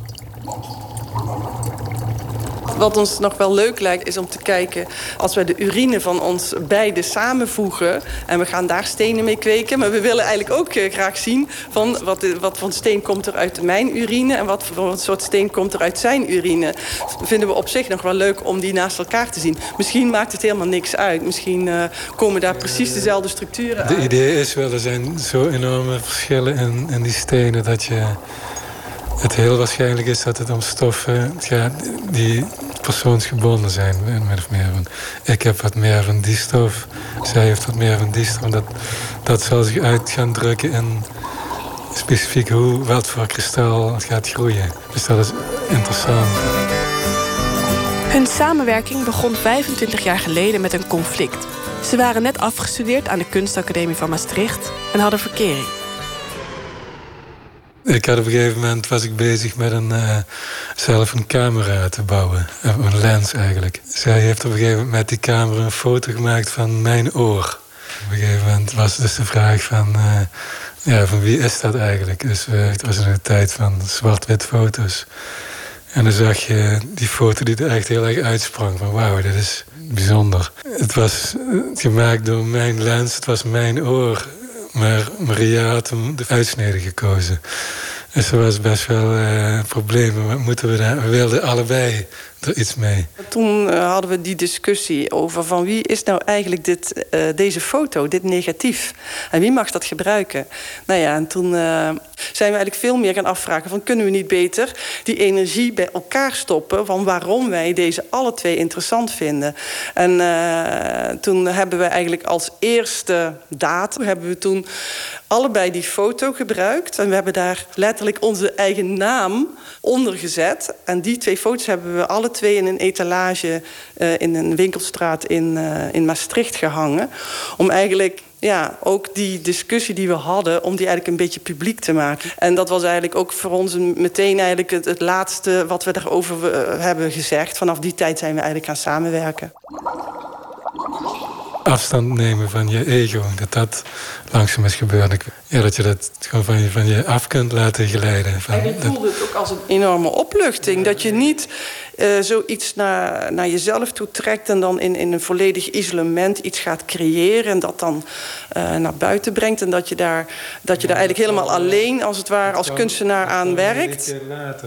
dat je dat die kracht eh, ervaart van dat je met z'n tweeën, dat je niet overal over alles hoeft te beslissen, maar dat je ook soms kunt ontspannen terwijl die andere het dan overneemt. En, ja, Maar in eerste instantie had je dus wel een gevoel van... hé, hey, dit is van mij. Dat, dat ego speelde even op voordat... Je, of je, we kwamen net van de academie af en dan wordt dat eigenlijk gekweekt. Je wordt heel erg individueel beoordeeld. En, eh, In de jaren tachtig, in de tijd dat wij zijn opgeleid...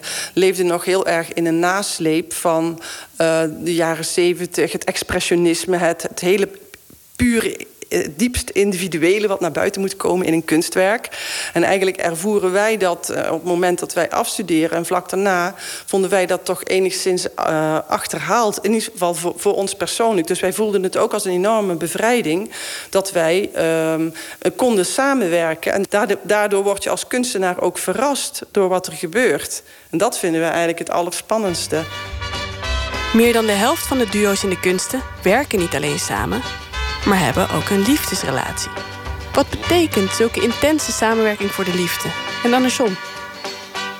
Het kan zijn als je, als je in je relatie uh, problemen ondervindt, dat dat zich dan ook uit in je samenwerking. Maar ook als je in je samenwerking problemen ondervindt, dan uit zich dat ook in je, in je relatie. Want het is allemaal één op één.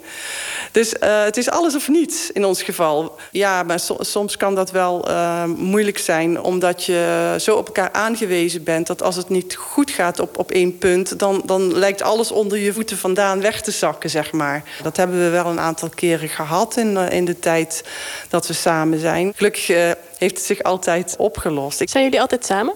Of wij altijd samen zijn? Je bedoelt dag en nacht, uh, jaar in jaar uit?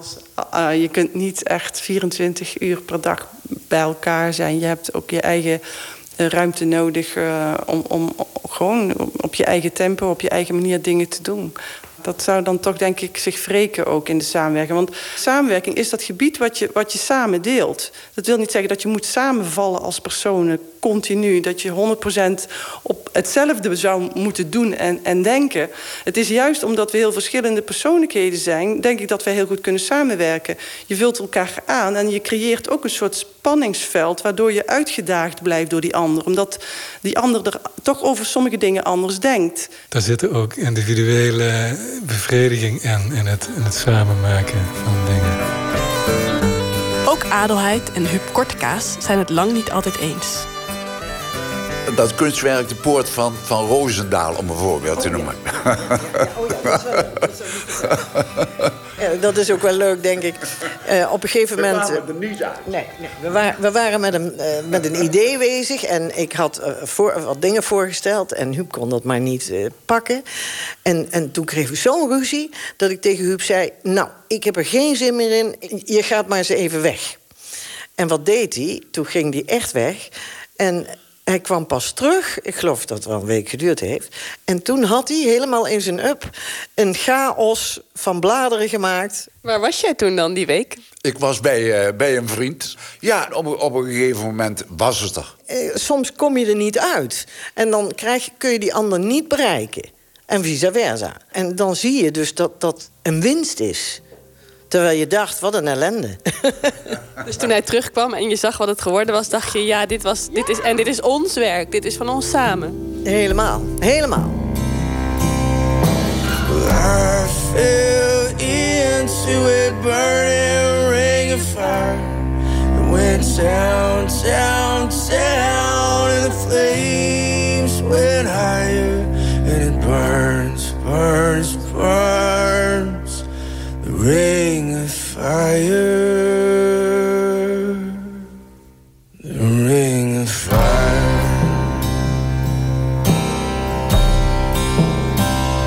Ring of fire. Ring of fire. Ring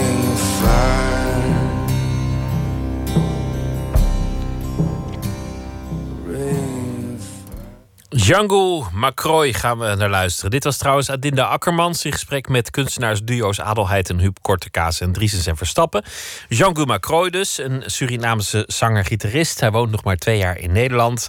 Viel met zijn neus in de boter, namelijk Hengelo. En eh, hij maakt indruk met zijn EP Brave Enough. We gaan luisteren naar The Next One.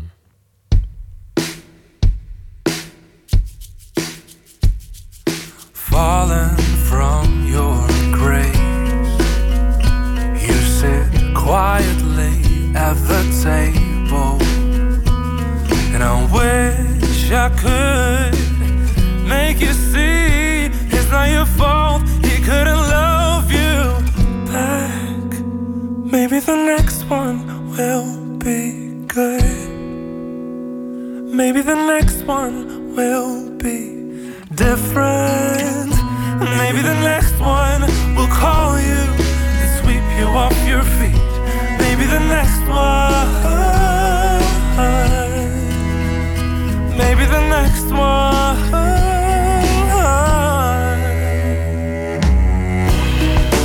Fighting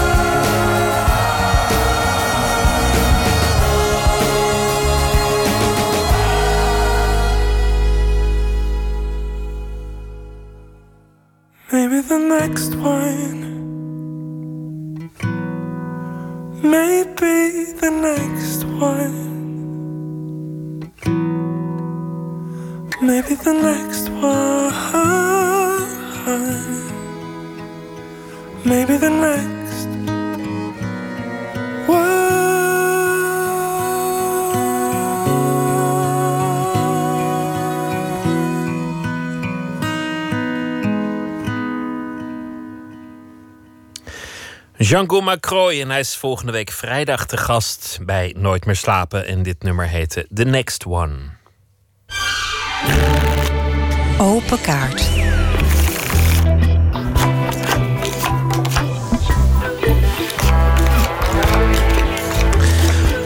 Een beroemde gast, een legende mag ik wel zeggen in het Nederlands voetbal. Hij eh, speelde bij Barcelona, Liverpool en bij Ajax, afkomstig uit Finland. Jari Liedmanen.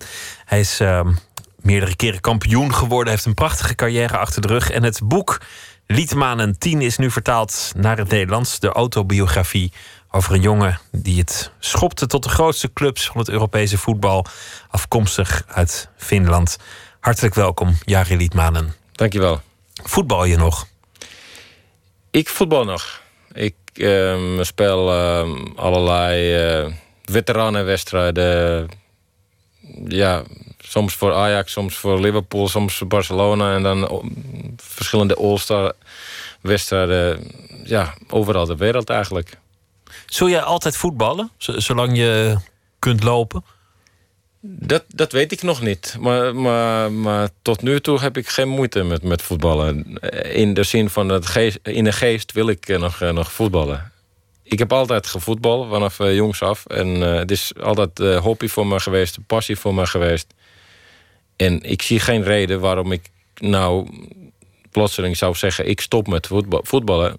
Want ik kan ook niet herinneren dat, dat dit ooit, ooit zei. Ik ga beginnen met voetballen. Omdat ik heb altijd gevoetbald. Het is wie je bent, het is wat bij je hoort, het is je passie. Ook al deed je het soms terwijl de hele wereld keek en het spannend was, want het ging over een, een beker of, of een finale. En soms doe je het misschien gewoon voor de pret, al zou je het doen op, op een veldje in de buurt. Voetballen, dat, dat blijft. Dat is gewoon jouw manier om nou, fit te dat, blijven. dat noem je Finse voetbal eigenlijk. Dat is Fins voetbal. ja, dan op een bijveld ergens in de, in, in de Finse stad en uh, duizend mensen op de tribune. Ja. Maar ik had nooit, nooit een problemen daarmee. Ik, uh, ik, ik, ik vond het eigenlijk prachtig om hem uh, voor grote stadion te spelen. En, en, en om, om, om een, een beker, een echt, echt een finale. Dat, dat, dat was het mooiste wat er is. Maar het spel zelf, daar gaat het om bij mij. Je maakte een grap over, over het Finse voetbal. Maar toen jij jong was, was het eigenlijk niet vanzelfsprekend dat je een professional zou kunnen worden in het Finse voetbal. De, de Finse voetbalcompetitie was toen nog niet zo dat je daar een, een beroep van zou kunnen maken of een carrière in zou kunnen nastreven. Nou, ik groei, groeide op in, in de familie waar mijn uh, uh, vader vanaf uh, tot vier op fabriek werkte. 45 jaar. En daarna ging hij uh, voetballen. Hij heeft uh, Finse kampioenschappen, uh, bekers gewonnen. hij was international van, van Finse elftal. Dat was eigenlijk het, het voorbeeld voor mij. Dus eerst of studeren of werken en dan s'avonds trainen. Dus pas op het latere leeftijd, 14e, 15e, besefte ik dat, dat je kan geld verdienen met, met voetballen omdat mijn vader altijd geld verdiende door werken. En voetbal was, was zijn hobby. Dus ik heb nooit daarvoor een gevoel gehad dat ik ga voetballen om, om geld te verdienen. Het was meer, ja, ik vind het ge, uh, leuk om te voetballen. En ik wil uh, buitenland, topclubs, gewoon omdat daar grote stadionen zijn en, en veel mensen op de tribune, mooi goals wordt ge, gescoord. En dan die bekers. Dat was altijd mijn, mijn, mijn, mijn, mijn, mijn wil. En, en ja, het, het professioneel voetbal was er gewoon niet in Finland. En, uh, en mijn eerste uh, profcontract, ik verdiende in één, één seizoen 800 euro, 850 euro. En ik was, ik was zo blij dat ik zoveel geld kon krijgen. Omdat, ja, dat was mijn geld. Ik had het zelf verdiend. Ik hoefde niet van mijn vader of moeder vragen. Je, je werd uiteindelijk gescout door Ajax. Je kwam naar Nederland. Dat pakte voor jou heel goed uit om, om bij Ajax te komen in, in die tijd. Andere spelers hebben er wel eens moeite mee gehad. Met zo'n overstap van, van je eigen land naar een club. En dan moet je daar maar thuiskomen. Bij Ibrahimovic, die uit Zweden naar Ajax kwam, ging dat bijvoorbeeld moeilijk. Die had, die had echt moeite om hier zijn, plek te vinden. Bij jou ging het volgens mij meteen, meteen goed. Heb, heb je dat gevoel zelf ook? Nou, eh, ik had ook eh, natuurlijk niet, niet eh, een mooi eerste seizoen. Maar Zlatan had niet een mooie eerste seizoen. Verschil van mij en Zlatan eh, was dat Zlatan werd ge- gekocht door veel geld. En was zijn verwachtingen heel groot. Ik was niet een, een, een, dure aankoop. En wij, wij hadden een, een, iemand die heette Dennis Bergkamp op die positie. Dus ik had ook niet de drukte mijn eerste jaar goed te presteren. Van Gaal zei als trainer... ja, ik geef weer voor jou alle tijd. Neem je tijd. Je speelt niet zoveel de eerste seizoen... omdat de Bergkamp speelt hier. Maar hij gaat weg, dus dan moet ik klaarstaan. Dus, dus het was een beetje een andere, andere situatie... Maar ik voelde wel meteen uh, vanaf dag één uh, thuis hier in, in, in Amsterdam, Nederland. ik, ik kon heel goed opschieten met, met Nederlanders. En vooral met Van Gaal schrijf je in het boek. Dat, dat Van Gaal voor jou heel belangrijk is geweest. Ja, ik ben um, heel blij dat ik um, Van Gaal um, heb meegemaakt in het begin van mijn carrière. Ik heb heel veel van hem geleerd. Wat ik net, net vertelde, hij gaf alle vertrouwen op mij en, en hij gaf die ruimte en, en, tijd. Een paar keer heeft hij zelf mij twee weken naar Finland vakantie gestuurd, omdat hij vond dat ik een beetje moe uit, uitzag. En, um, en, en hij was heel goed bezig met ons. Hij was heel goed bezig met, met mij. En ja, zijn aanpak er bij mij en, en, en, en bij, die, bij die elftal toen. En, en ik ben daar zeer, zeer dankbaar. 1995 werd een prachtig jaar in je carrière. Jullie werden kampioen met Ajax, met, met een, uh, een heel sterk team. Je bent daarna naar Barcelona gegaan en, en nog uh, Liverpool.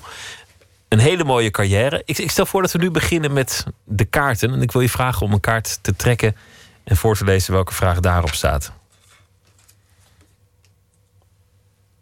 Waar lopen je relaties op stuk?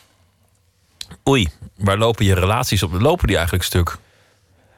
Nou, ik heb natuurlijk een aantal, aantal relaties uh, gehad. En, uh, en wat ik uh, van de eerdere relaties heb geleerd, of hopen dat ik geleerd heb. Ehm, ik, was, ik was zo druk bezig met, met voetbal en, en, en, en die, die zaken daar. ehm, daar Um, in, in voetbal. Dus zeg maar, uh, carrière was zo, zo belangrijk dat, dat ik eventueel te weinig aandacht heb, heb gehad voor mijn om, omgeving. Lijkt me ook heel moeilijk voor een professioneel voetballer met zo'n druk schema en dan ook nog internationaal, vaak in een ander land. Het lijkt me ook moeilijk om, om in die fase van je leven een relatie goed te laten gaan. Ja, in mijn geval was het zo dat ik, ik, ik, ik had één doel jongs af. En dat was uh, topvoetballer te worden. En ik heb hard gewerkt en ik heb hard moeten werken. En, en, en dat was zo sterk in mijn hoofd. Dat, dat, dat is mijn, mijn doel. En ik heb heel veel keuzes moeten maken en uh, heel veel dingen laten, laten, laten gaan. En het was gewoon één richting en dat was dat, de topvoetbal. En, en ik denk dat ik op dat opzicht heel moeilijk ben geweest voor mijn omgeving. Dat, dat ik te veel focus was met, met het voetballen. Was het waard, achteraf? Ja, ik ben heel blij wat ik nu heb. Dus ik heb uh, kinderen, ik heb uh, vrouw, ik heb fijne, fijne gezin. En ik probeer nu mijn keuzes op voetbalgebied zo doen dat ik echt tijd heb voor de familie en, en voor die, voor die privéleven. En, en daarom probeer ik die, die, die twee dingen scheiden. In, in de zin van dat ik doe die voetbaldingen, omdat dat is mijn leven. Ik ben een voetbalpersoon. Maar ik doe dat soort werk, dat soort dingen, dat ik echt de tijd heb voor de, voor de gezin. Maar ja, kijk, met alles, mooie momenten, min, mindere momenten, heeft een bedoeling in een, in leven. Um, dat dat um, geloof ik tenminste zelf. Dat je moet dingen meemaken, dat je dan weet wat is goed en wat is niet, niet goed. En, en, en, Anders leer je niks als het altijd maar goed gaat. Ja, als het altijd goed gaat, dan, dan, dan, dan voel je dat niet, uh, niet, niet zo goed. En, en, en, en uh, het is ook, ook niet goed dat het altijd eh, slecht gaat. Eh, Dat is niet, niet de bedoeling. Maar, maar als, je- als jij eh, beide hebt me- meegemaakt, de mooie momenten en mindere momenten. Van de mooie momenten, daar gaat je genieten. Maar op la- lange termijn leer je daar niks, niks van. Van de mindere momenten, daar ga je nadenken. En daar, daar leer je van. Zullen we er nog geen doen? Wil je er nog geen trekken?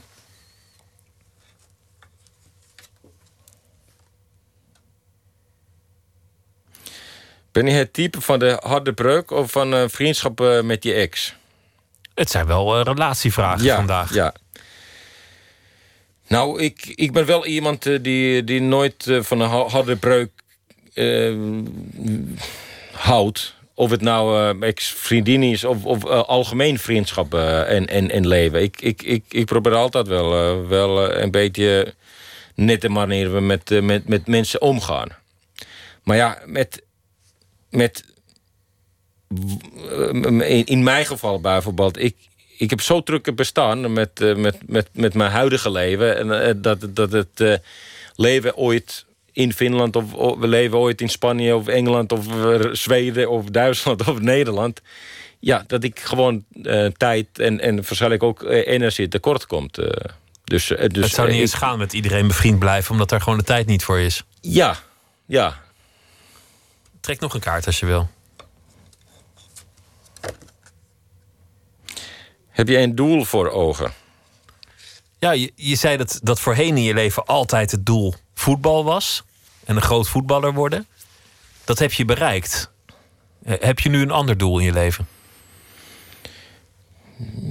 Ja, ik wil een beetje genieten van iedere dag. En, en eh, me- met, die, met die dingen, met die, met, die, met die mensen die daar in mijn dagelijkse leven, leven zijn. En, ehm, en ehm, dat is een beetje mijn, mijn- mijn, mijn, eh, mijn, mijn doel. Om, om van de kleine dingen genieten. Dat vaak denken wij in een, in een leven dat ja, als dat komt en, en als ik dan eh, dat heb en, en, en, eh, en als ik die pensioen heb of als ik die vakantie heb, dan ga ik daar dingen doen. Ja, natuurlijk, dat is belangrijk. Maar ik, ik probeer, dat is mijn ervaring alweer, dat, dat eigenlijk dagelijkse kleine dingen, dan moet je gaan genieten. Dan voel je eh, beter. Want je hebt in wezen je, grote droom bereikt.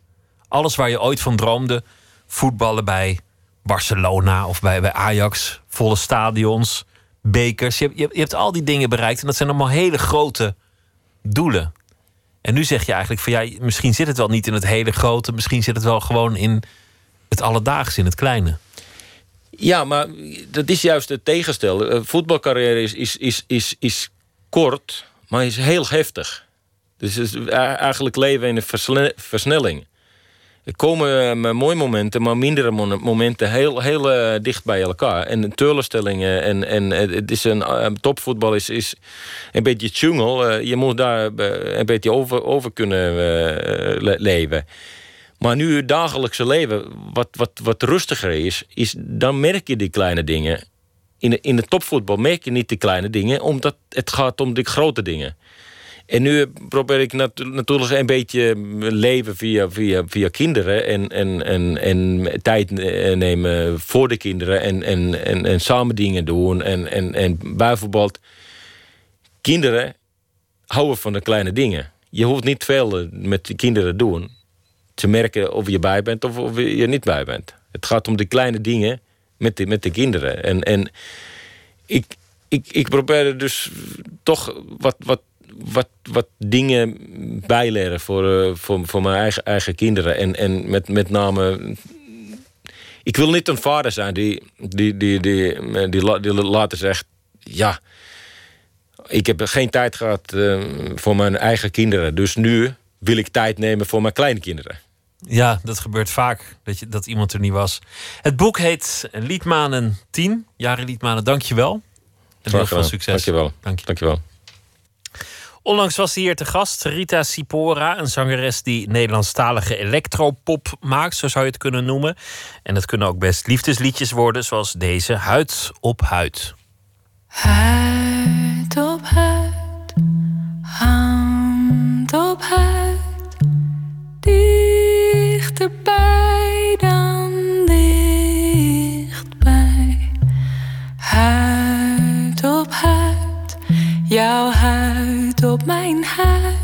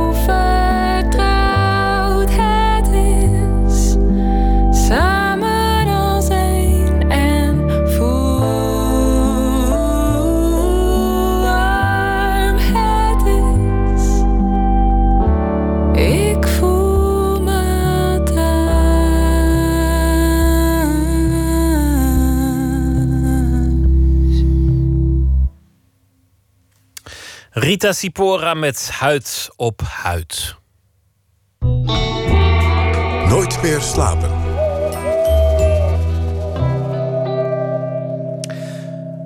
Maandag start het tijdschrift One World een campagne onder de titel Hood Hero. En dat komt er in het kort op neer dat eh, mensen worden uitgenodigd om rond te kijken of er in de eigen buurt iemand woont die voor held zou kunnen doorgaan. Iemand die het leven in de wijk veraangenaamt. De buurtheld, de wijkheld. En het is dan de bedoeling die aan de wereld voor te stellen via de website van Hood Hero en natuurlijk ook via de sociale media's. Vanavond was er in Amsterdam Noord een voorbereidende masterclass film maken en monteren. En onze nachtcorrespondent Matthijs Deen was daar uiteraard bij. Matthijs, wat gebeurde daar precies? Ja, dat Hood Hero, je, je zou het eigenlijk kunnen zien als een soort speurtocht naar ehm, sociale warmte in gure tijden eigenlijk. Mooi gezegd. Ja, ik moet eerlijk zeggen dat ik dat niet zelf heb bedacht. Dat hebben zij bedacht. Maar ik vond het toch wel mooi. ehm, en het, de, de zoektocht gaat. Het, het concentreert zich op de wijken. Misschien heb je die ook wel bij jou in de buurt. Vraag, van die mensen die in de wijk op, de sfeer op een prettige manier bepalen. Eh, Is het, ik weet niet, of in de wijk zoals jij, waar jij woont, of jij dan Nou, direct aan iemand denkt? We hebben wel een wijkvereniging, maar die heet in de volksmond ook wel de Zijkvereniging, omdat ze bij ieder evenement een protestbrief aan de gemeente sturen. Ah ja, nee, nee. Maar ik, ik denk, ik denk meer aan. Nou, eh, dus bij mij, eh, eh, bij mij in de buurt is bijvoorbeeld een, een postpakketbezorger. En die, dat is eh, een, een jongen die heeft altijd een geweldig humeur. En hij brengt ook. het is ook. Als hij mij ziet, ook buiten de, zeg maar, de, directe nabijheid van mijn postbus. Dan, dan groet hij mij ook. Weet je. Dus op een of andere manier, als je die tegenkomt, dan heb je een betere dag. Mm, zo iemand, dat soort types, daar zijn ze echt bij One World naar, naar op zoek. Hoe werkt dat? Vertel eens. Ja, nou ja, wat die mensen van Hood Hero voor ogen staat... is dat mensen hun buurtheld, zo iemand zo'n Hood Hero kiezen... en daar dan een filmpje van maken en dat dan posten... inderdaad op eh, website hoodhero.nl... of een medium naar keuze met de hashtag eh Hood Hero. En als het goed is, dan ontstaat er dan een soort galerij... een stoet van, van, van prettige mensen... die het leven in de wijken uh, veraangenamen. Nou, eh, vanavond was het dus in A-Lab in Amsterdam-Noord een masterclass. Filmen en monteren met telefoons, tablets. En, eh, er waren vijf teams. Drie uit Amsterdam, Noord, uit Nieuw-West en uit Zuidoost. En nog twee teams samengesteld uit mensen van de rest van het land. Dat is allemaal tot de aanloop van die campagne die, die maandag begint. En ik kwam daar binnen. Het was echt wel een grappig moment. Want je zag allerlei mensen van allerlei kleuren, allerlei windstreken bij elkaar. die je normaal gesproken niet bij elkaar vindt. En dat was. eh, eh, en het is ook wel, eh, als je dan bedenkt dat One World is eigenlijk een journalistiek orgaan met, met, met journalisten, met eh, onderzoeksjournalisten. En die zijn dus nu een soort nieuwe koers, zelf dingen aan het organiseren, zelf happenings aan het maken eh, en daar dan vervolgens weer over schrijven. Dus het is even wennen, maar het werkte wel. Nou ja, Lotte Sluiter, een van die programmamakers van One World, legde uit hoe het werkt dat mensen die filmpjes maken, dat ze ook iets kunnen winnen. Een of andere chique smartphone kunnen ze winnen. 24 mei kiezen we een winnaar. Eh, Een jury, waaronder eh, eh, mensen van ITVA en AI. Die gaan kijken naar het allerbeste filmpje. En degene die wint krijgt de Golden Hood Hero uitgereikt. Dus vooral een ereprijs. En als het een beetje goed gaat, eh, kunnen we de filmpjes sowieso nog op andere plekken laten zien. Misschien ook op dit vak? Ja, misschien ook op ITVA. Als het filmpje goed genoeg is, een documentaire filmpje... dan wordt het daar mogelijk het voorprogramma. Wat hoop je? Ik hoop dat heel Nederland op zoek gaat naar de lichtpuntjes en de zonnetjes in hun wijken. En dat ze de moeite nemen om eh, die echt even een klein lief schouderklopje te geven. Waarom eigenlijk?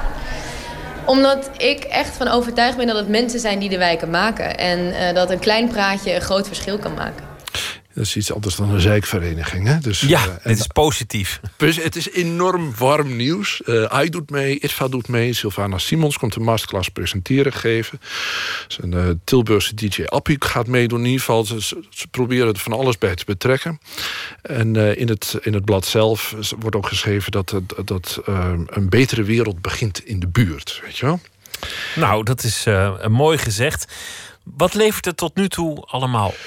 Nou ja, ik, ik vroeg twee van die mensen die daar zaten... of eh, eh, die de- aan die masterclass deelnamen naar hun Hood Hero. Namelijk Jette van Ravenstein uit Utrecht... en Suleiman Abdabar uit eh, Amsterdam Nieuw-West. En dan blijkt al dat er heel verschillende types kandidaat staan... om buurtheld te worden. Eerst maar eens Jette van Ravenstein luisteren.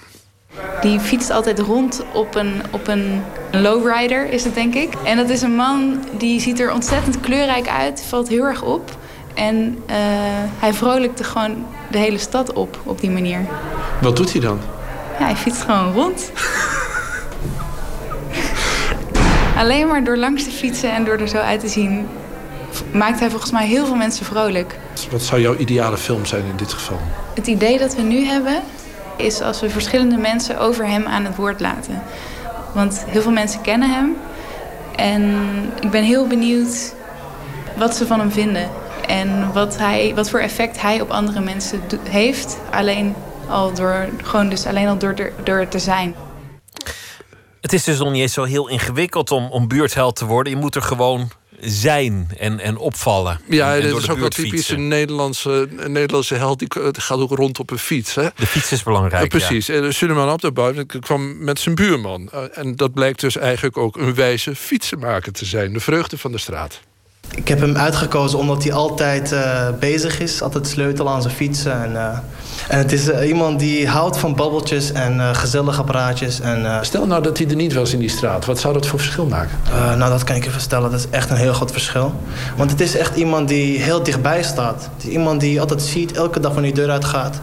Ik ben al wat heel wat wijzer geworden. Hij is ook een heel wijs man. Dus, eh, Oh, hij- ja. je komt ook bij hem voor raad. Ja, nee, ik, ik, heb, ik heb wel eens wat vragen gesteld. En eh, ik ben ook zeker wat wijzer geworden. Het is iemand die houdt van eh, wijsheid. En die vertelt ook veel uit zijn eigen ervaring. Daar ben ik hem ook zeer dankbaar voor. eh. Wijsheid en fietsen. Pieter. Op zoek naar de, de buurtheld. En dat kun je nog eh, zomaar worden. Hood Hero. Vanaf maandag gaat het daadwerkelijk online op hoodhero.nl. Matthijs Deen, dankjewel. Oké. Het was 1981 en ze was model van oorsprong Jamaicaanse. En ze maakte fantastische videoclips en ze kon ook nog zingen. En het album dat heette Nightclubbing. En het titelnummer gaan we luisteren. Hier is Grace Jones.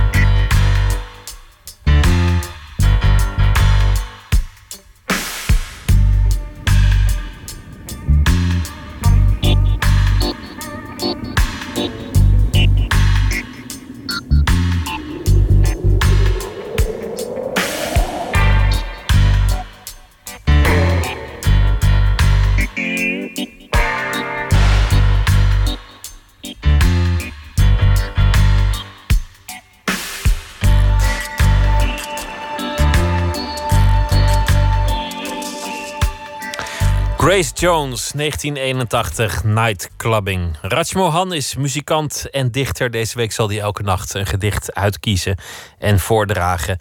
En hij heeft eh, gekozen voor de eerste niet-Europese winnaar van de Nobelprijs voor de literatuur, Rabindranath Tagore.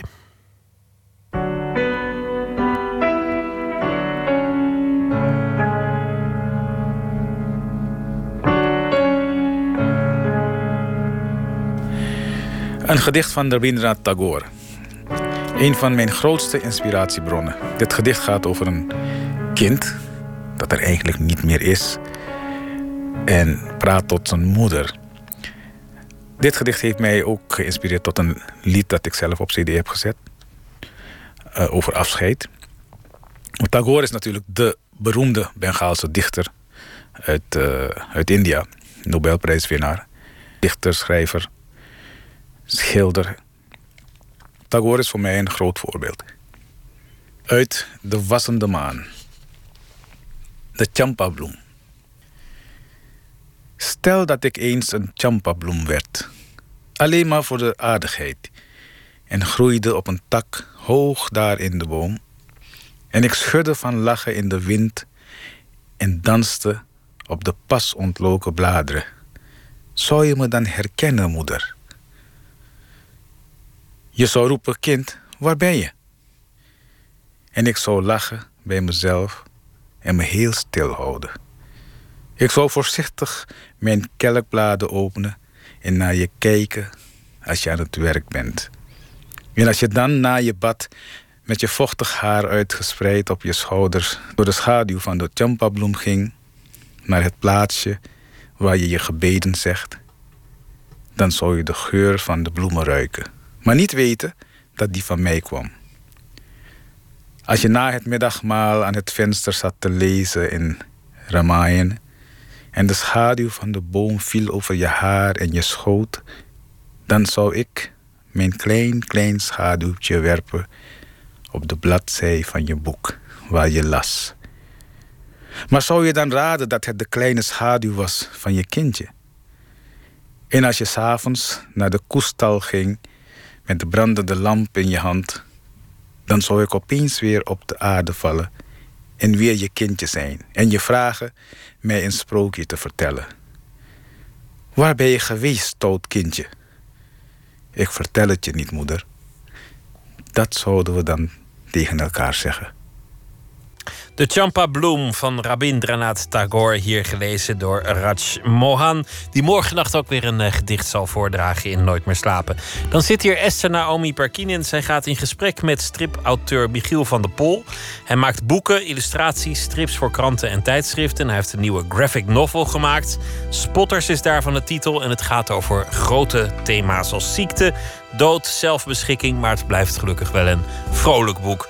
Meerte van der Meer die komt langs. Zij is schrijfster, onder meer bekend van het boek Paas. En ze heeft nu een kinderboek geschreven, Pien en de Spoken, over een stoermeisje en haar depressieve moeder. Dat allemaal morgen in Nooit meer slapen wens ik u voor nu een hele goede nacht. En straks veel plezier met de nachtzuster Astrid, die zit al helemaal klaar. Twitter, het VPRO NMS. U kunt ons uh, wel bevinden op Facebook. En u kunt zich abonneren op de podcast via iTunes of via de website van de VPRO. Dat is vpro.nl schuine streep nooit meer slapen. Een hele goede nacht. Graag weer tot morgen.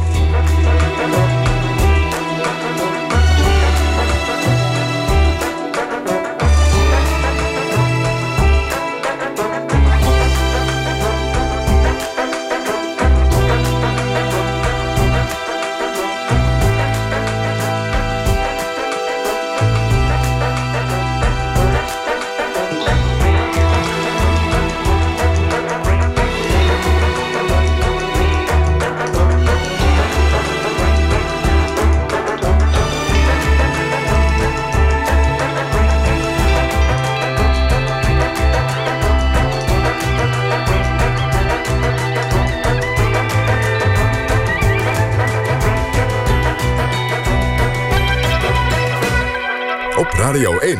Het nieuws van alle kanten.